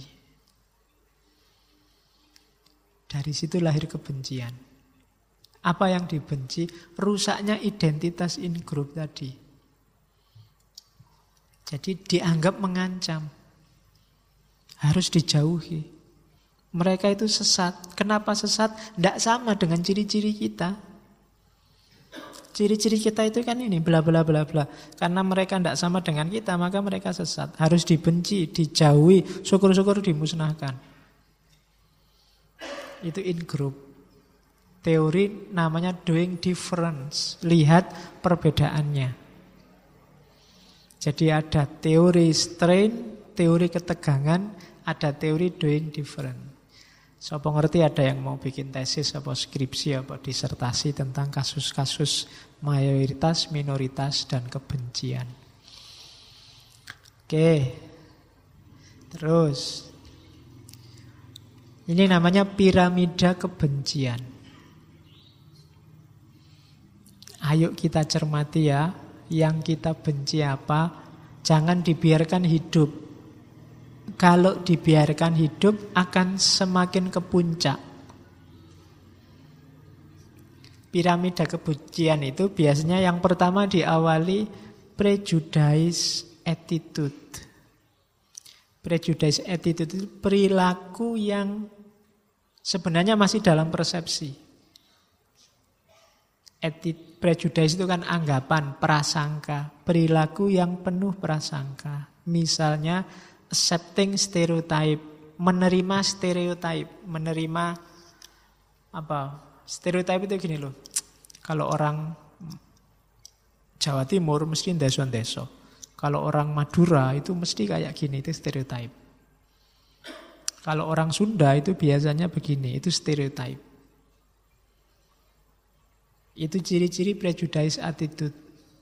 Orang yang percaya dengan stereotip itu biasanya level paling awal dari nanti melahirkan kebencian. Adalah makanya jangan nikah sama orang Sunda, makanya jangan kawin sama orang Madura. Itu stereotip. Ini bibit-bibit kebencian. Terus ada lagi not challenging, belittling joke. Kadang-kadang cuma guyon, tapi guyonnya merendahkan. Rasis. Not challenging itu tidak bantah. Senang kalau ada guyon-guyon kayak gitu. Yang melecehkan etnis tertentu, ras tertentu. Itu kita suka. Ini prejudice attitude. Ada bibit-bibit kebencian di situ. Kalau dibiarkan dia akan tumbuh jadi kebencian beneran. Kan banyak itu kan kita sering menertawakan ras lain, grup lain, kelompok lain, bikin joke-joke, not challenging, belittling joke. Kalau kita merasa enjoy dengan itu, bisa menikmati yang semacam itu, hati-hati ini bibit-bibit kebencian. Ya kamu yang sedang bikin joke bisa ketawa-ketawa. Tapi yang dikenai joke itu mungkin bisa tersinggung loh, bisa sakit hati loh. Nah itu belittling joke atau scapegoat. Scapegoat itu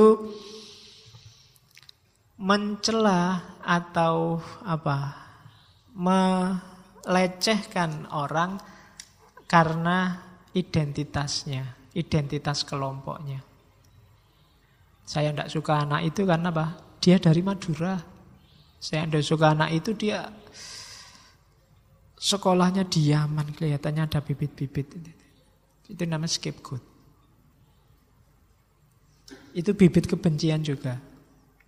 Hati-hati dengan stereotip, jok-jok yang merendahkan, yang rasis, atau scapegoat. Kalau ini tidak kamu hati-hati, dia akan tumbuh jadi act of prejudice. Benar akan lahir prasangka kebencian. Name calling biasanya. Name calling itu cara manggil kita sudah merendahkan your name calling itu misalnya kalau orang apa yang tadi Afrika di Amerika kita panggil negro. Wah, kayak negro itu itu name calling. Mereka nggak suka dipanggil itu. Jadi hati-hati dengan name calling. Panggilan jelek, sebutan jelek kalau bahasa Arabnya lakop. Wala bazu bil alkop itu name calling dasar Madura, dasar bule. Nah, itu name menunjukkan ada kebencian. Atau ridicule. Ridicule itu melecehkan. Atau social avoidance. Kita menghindar. Alah, tidak kumpul teman-teman yang kayak gitu. Tidak kumpul anak dari grup sana. Tidak kumpul orang-orang yang dari kelompok situ. Itu namanya social avoidance menunjukkan ada kebencian. Atau telling belittling jokes. Kalau tadi kita dengerin dan suka jok-jok yang melecehkan, sekarang kita sendiri yang bikin jok-jok itu. Kita sendiri yang dagelnya sangat rasis. Itu act of prejudice. Hati-hati. Dan social exclusion. Ada tadi kalau social avoidance itu kita yang menghindar. Kalau social exclusion itu kita yang ngusir mereka. Saya mau Pak ngaji ini tapi kalau kemasukan orang-orang kulit hitam itu saya mending tidak ngaji. Itu social avoidance. Tapi kalau kalau ada anak-anak hitam-hitam itu ngaji saya usir Pak. Itu social exclusion. Itu menunjukkan level kedua dari kebencian. Kalau sudah masuk level kedua dan kita biarkan, pada akhirnya akan masuk ke level ketiga, discrimination. Lahir diskriminasi-diskriminasi. Kalau diskriminasi kita biarkan, pada akhirnya lahir violence, kekerasan. Lewat kata-kata, lewat perbuatan. Kalau ini dibiarkan terus-menerus, pada puncaknya kebencian adalah pemusnahan. Kita singkirkan mereka, kita musnahkan semua yang kita benci. Perang. Habis-habisan. Itu piramida kebencian. Jadi hati-hati dengan ciri-ciri ini. Kalau ingin dunia ini tentram, jangan ada kebencian. Karena kalau kita pelihara, kebencian tadi kan dipelihara. Dia akan semakin naik kelas, naik kelas, naik kelas, dan akan melahirkan bencana. Paling tidak bencana kemanusiaan. Semua kasus hari ini yang ada konotasi genosida itu awalnya adalah kebencian. Dan itu sejak dulu termasuk ketika Hitler ingin melakukan menghabisi semua orang Yahudi. Atau sekarang konflik Yahudi Palestina atau beberapa negara dulu. Itu genosida. Oke. Media sosial sedikit ya, medsos dan kebencian. Hari ini kita banyak bingung ini ada beberapa teori silahkan nanti yang suka silahkan lacak teori itu. Ada teori Groundwell. Teori Groundwell itu yang pertama ini bahwa ada tren sosial biasanya orang itu lebih suka mencari kebutuhannya termasuk kebutuhan informasi tidak dari sumber asli, tidak dari produsennya dalam tanda petik, tapi dari teman yang dia percaya. Itu yang bikin orang kemudian cenderung apa? terisolasi dalam kelompoknya karena yang dia percaya biasanya ya orang-orang dari kelompoknya itu. Itu yang bikin mungkin hari ini kalian geleng-geleng kepala. Ini orang sudah bodoh dijelaskan nggak mau. Jelas-jelas fitnah tapi diluruskan nggak mau. Karena yang meluruskan kamu, orang yang di luar kelompoknya. Hari ini orang itu yang dipercaya apa? Orang yang ada dalam kelompoknya.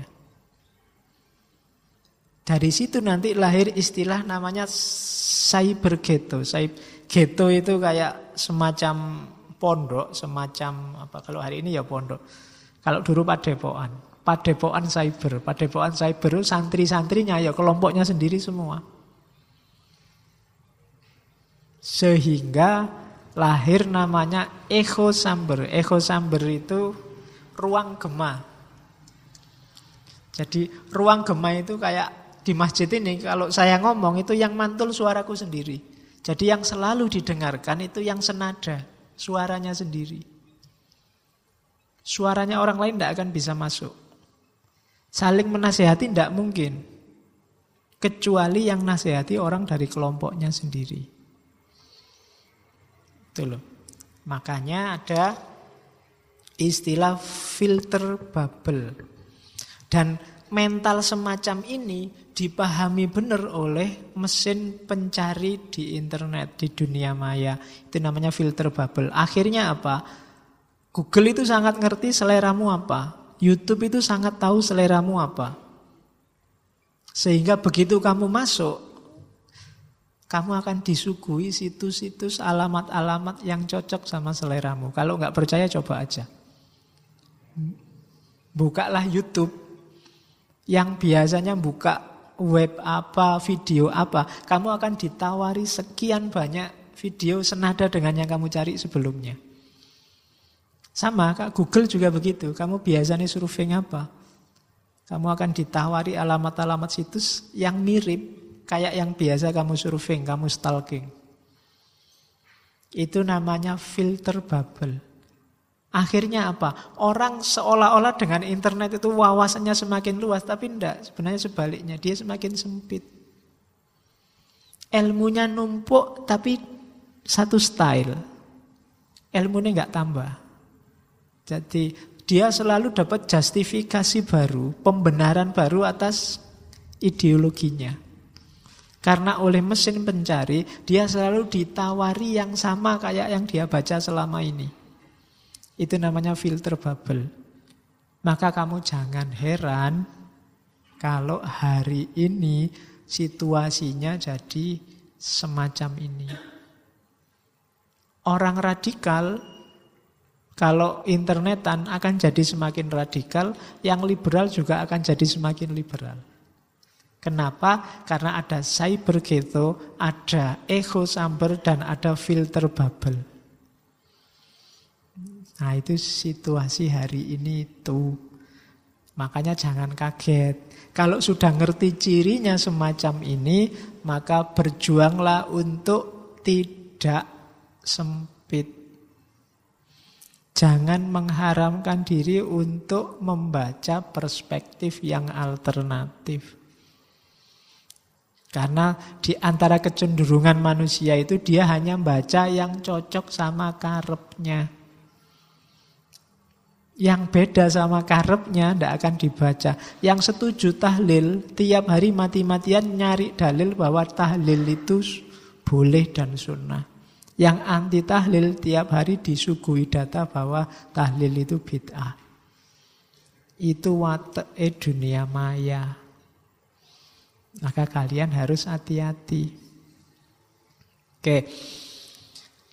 Kurang sedikit. Sudah ya, saya kira itu Terakhir tak kasih ayat-ayat cuma ini ayat-ayat sopo ngerti kamu besok ceramah yang ada hubungannya sama kebencian kamu baca sendiri ya. Al-Maidah, Al-Hujurat. Yang terakhir itu untuk yang medsos tadi, menurut saya bagus. Wa idza sami'ul lahwa a'radu anhu. Kalau oh ini orang-orang baik, orang-orang soleh, orang-orang beriman itu, kalau mendengar kata-kata, kalau mendengar hal yang tidak penting, tidak ada gunanya, a'rodu anhu, mereka berpaling. Kenapa kita hari ini gelisah oleh kebencian-kebencian kita? Bahkan tiap hari melahirkan kebencian baru karena kita membiasakan diri mengkonsumsi hal-hal yang tidak penting dari medsos yang tidak ada hubungannya sama sekali dengan peningkatan kualitas intelektual, spiritual, emosional kita. Kebanyakan justru malah menjatuhkan. Maka diperingatkan oleh Al-Quran, wa idha sami'ullahu wa a'rodu anhu. Berpalinglah, cuekilah, bahasa gaulnya gitu. Kalau dipaksa oleh temanmu, Silahkan baca dan like, itu kan makso namanya. Coba perhatikan, itu kan maksa. Katanya Al-Quran, wa qalu lana a'maluna walakum a'malukum. Sudahlah, urusanmu ya urusan dewe, aku masih punya banyak urusan yang lebih penting. Salamun alaikum, semoga kamu selamat. Semoga kamu sejahtera lanap tahil jahilin. Kita ndak ikut-ikutan sama orang-orang bodoh. Nah, jadi ayat ini kamu copy. Kalau dapat postingan aneh-aneh, dapat hoak merajalela, kamu jawabnya pakai ini. Wa idza sami'ul lahwa a'radu anhu wa qalu lana a'maluna wa lakum a'malukum. Salamun alaikum lanab tahil jahilin. Ya. Ya paling tidak nanti entah kamu ada di grup mana Semakin banyak ini kan paling tidak kamu ngaji seayat Daripada membaca hoak Bikin sumpek Yang atas banyak Hadis juga banyak Ini bahanmu ceramah kalau besok sawalan apa ngomong tentang kebencian Ya kan Oke itu Nabi sejak awal sudah memperingatkan. Kan banyak hadis yang bilang bahwa la tu'minu hatta tahabbu. Kita itu belum benar-benar beriman sampai kita saling mencintai. Jadi kalau hari ini kita gegeran, berarti kita semua imannya masih belum utuh. Hari ini kita masih saling benci, berarti iman kita belum utuh. Karena la tu'minu hatta tahabbu kalian belum disebut beriman sampai saling mencintai. Dan sudah diramalkan oleh Nabi itu kan, saya baca yang misalnya yang kedua. Tabailaikum da'ul umami qoblakum. Perlahan-lahan akan datang padamu penyakitnya umat-umat terdahulu. Yaitu al-hasadu wal baghdha'u. Rasa dengki dan kebencian lama-lama akan merajalela dan sudah diramalkan oleh Nabi dan sekarang kelihatan. Sudah daba ilaikum. Dan wal bahdo'u hiyal haliko. Dan kebencian itulah nanti yang akan memutus, mencukur. Halikotu din, la halikotu sya'r.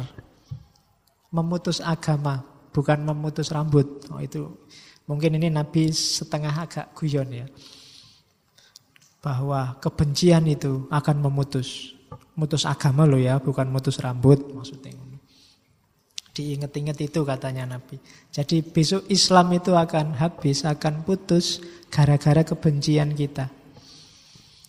Waladhi nafsu Muhammadin biyadihi la tu'minu hatta tahabbu. Demi jiwa yang Muhammad ada di tangannya, demi jiwa Muhammad yang di tangannya, kalian tidak termasuk orang-orang yang beriman sampai kalian saling mencintai. Jadi kalau masih ada kebencian sedikit saja terhadap sesama mukmin, sesama muslim, berarti kita masih belum beriman secara total. Afalau nabiukum bisyai'in idza fa'altumuhu tahabbtum. Tak kasih tips katanya Nabi. Sesuatu yang kalau kalian lakukan kalian akan saling mencintai. Apa? afsus salam bainakum. Afsus salam itu bisa verbal, bisa hal. Verbal itu ya pakai kata-kata, ya memang mengucapkan salam. Bisa juga menyebarkan kedamaian. Saling memaafkan, saling terima kasih, saling menentramkan, tidak saling mengancam. Kehadiranmu harus bikin orang tenang.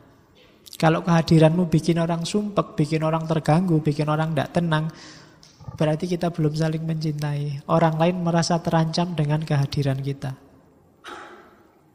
Ya, kalau ngomong kayak gini biasanya terus kamu mengarahkan ke orang yang di luar dirimu. Wah, itu kelompok sana gitu itu biasanya, Pak. Ya sekarang dibalik, ada nasihat apa pun masuknya ke dalam. Jadi Ayo kita bikin Islam yang afsus salam. Tidak cuma kalau ketemu Assalamualaikum. Kalau ketemu Assalamualaikum ya, cuma hakikatnya salam kita sebarkan. Islam yang damai. Kita menyebutnya yang jadi rahmat bagi alam semesta. Meskipun Nabi meram, ramalan Nabi itu kan untuk wanti-wanti biar kita hati-hati. Jangan sampai kita jadi aktor yang menyebarkan kebencian dan kedengkian. Hadis yang lain banyak. Oke, kalau tadi ayat Quran, hadis ini ayat-ayatnya para filosof boleh dipakai juga. Ya, kalau itu Sartre, uh, Nietzsche katanya Nietzsche, love and hatred are not blind, but blinded by the fire that bear within themselves. Cinta dan benci itu sebenarnya tidak buta, yang bikin buta adalah apinya yang ada dalam diri kita. Jadi yang buta adalah hasrat nafsu kita. Orang itu wajar kadang suka tidak suka sesuatu, tapi gara-gara ambisi nafsu itu dia jadi membuta, melahirkan kebencian. Ada kalimat lagi dari Nietzsche yang bagus, we have art to save ourselves from the truth. Kita punya seni untuk menghindar dari kebenaran yang tidak kita sukai. Antara lain kebencian. Kebencian itu sering kali jadi jalan kita untuk menghindar dari kebenaran. Itulah seni yang sering kita mainkan. Kita bikin dalil ndaki-ndaki untuk mendukung kebencian kita. Padahal hakikatnya kita sedang menghindari kebenaran. Itu penjelasannya panjang kamu renungkan sendiri. Kalau ini ayat dari Martin Luther. Ya. Hatred, paralyze life, love, release it. Cinta itu menghancurkan hidup, sementara cinta membebaskannya. Hatred confuses life, love harmonize it. Kebencian itu membingungkan hidup, mengacaukan hidup, dan cinta mengharmoniskannya. Cinta, hatred, darken life, love, illuminate it. Kebencian menggelapkan hidup, cinta meneranginya. Itu Martin Luther King. Kalau ini pasti kenal ya, Mahatma Gandhi. Overcome hatred by love, lie with truth and violence with passion. Taklukkanlah kebencian dengan cinta, kebohongan dengan kebenaran, dan kekerasan dengan kesabaran. Itu rumus dari Mahatma Gandhi. Kalau ini Nelson Mandela. No one is born hating another person because of the color of his skin or his background or his religion. Tidak ada satu orang pun yang lahir membawa kebencian pada yang lain. Baik karena kulit, karena latar belakang, atau karena agama. People must learn to hate. Orang itu harus belajar dulu untuk bisa membenci. And if they can learn to hate, they can be taught to love. Dan kalau mereka bisa belajar membenci, mereka sebenarnya juga bisa diajari untuk mencintai. Bahkan lebih mudah karena for love come more naturally to human heart than its opposite. Karena kalau cinta itu lebih natural, lebih alami dibandingkan benci. Untuk benci orang harus belajar dulu, tapi kalau untuk cinta itu otomatis. Itu Nelson Mandela. Kalau ini haters. Saya enggak saya ngambil Haters itu sekarang kan orang ribut, setiap orang punya haters. Haters itu singkatannya adalah having angels toward everyone reaching success. Marah pada siapa pun yang sukses. Itu hater. Ya, kalau anak kos punyanya heater. Pemanas. Oke. Jadi untuk jadi hater kamu butuh heater. Hiternya biasanya ya berita-berita hoak itu. Oke ya. Bersyukurlah kalau kamu punya haters. Berarti kamu dianggap penting. Ya. Kalau nggak ada yang punya haters berarti ya kita memang bukan siapa-siapa.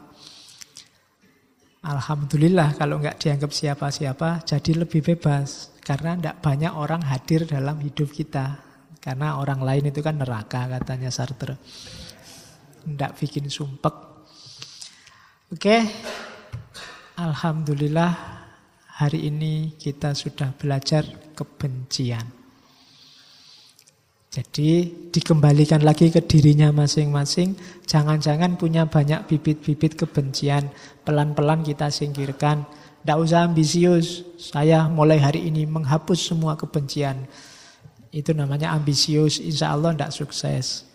Pelan-pelan latihan untuk tidak membenci. Kalau terlanjur membenci ya pelan-pelan. Tidak usah terlalu dalam, tidak usah dibawa ke mana-mana. Lama-lama nanti hilang.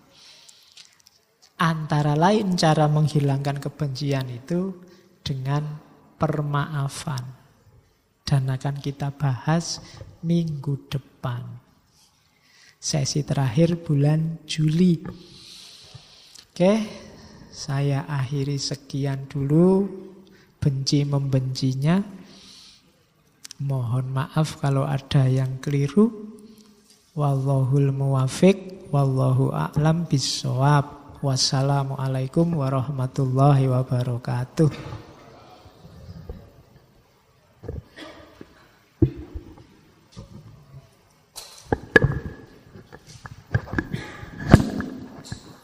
Terima kasih kami sampaikan kepada Pak Faiz yang sudah mengawali ngaji filsafat pada malam hari ini. Kita ketemu Rabu minggu depan dengan tema filsafat permaafan. Demikian, mohon maaf bila ada kekurangan dari kami. Saya akhiri. Assalamualaikum warahmatullahi wabarakatuh.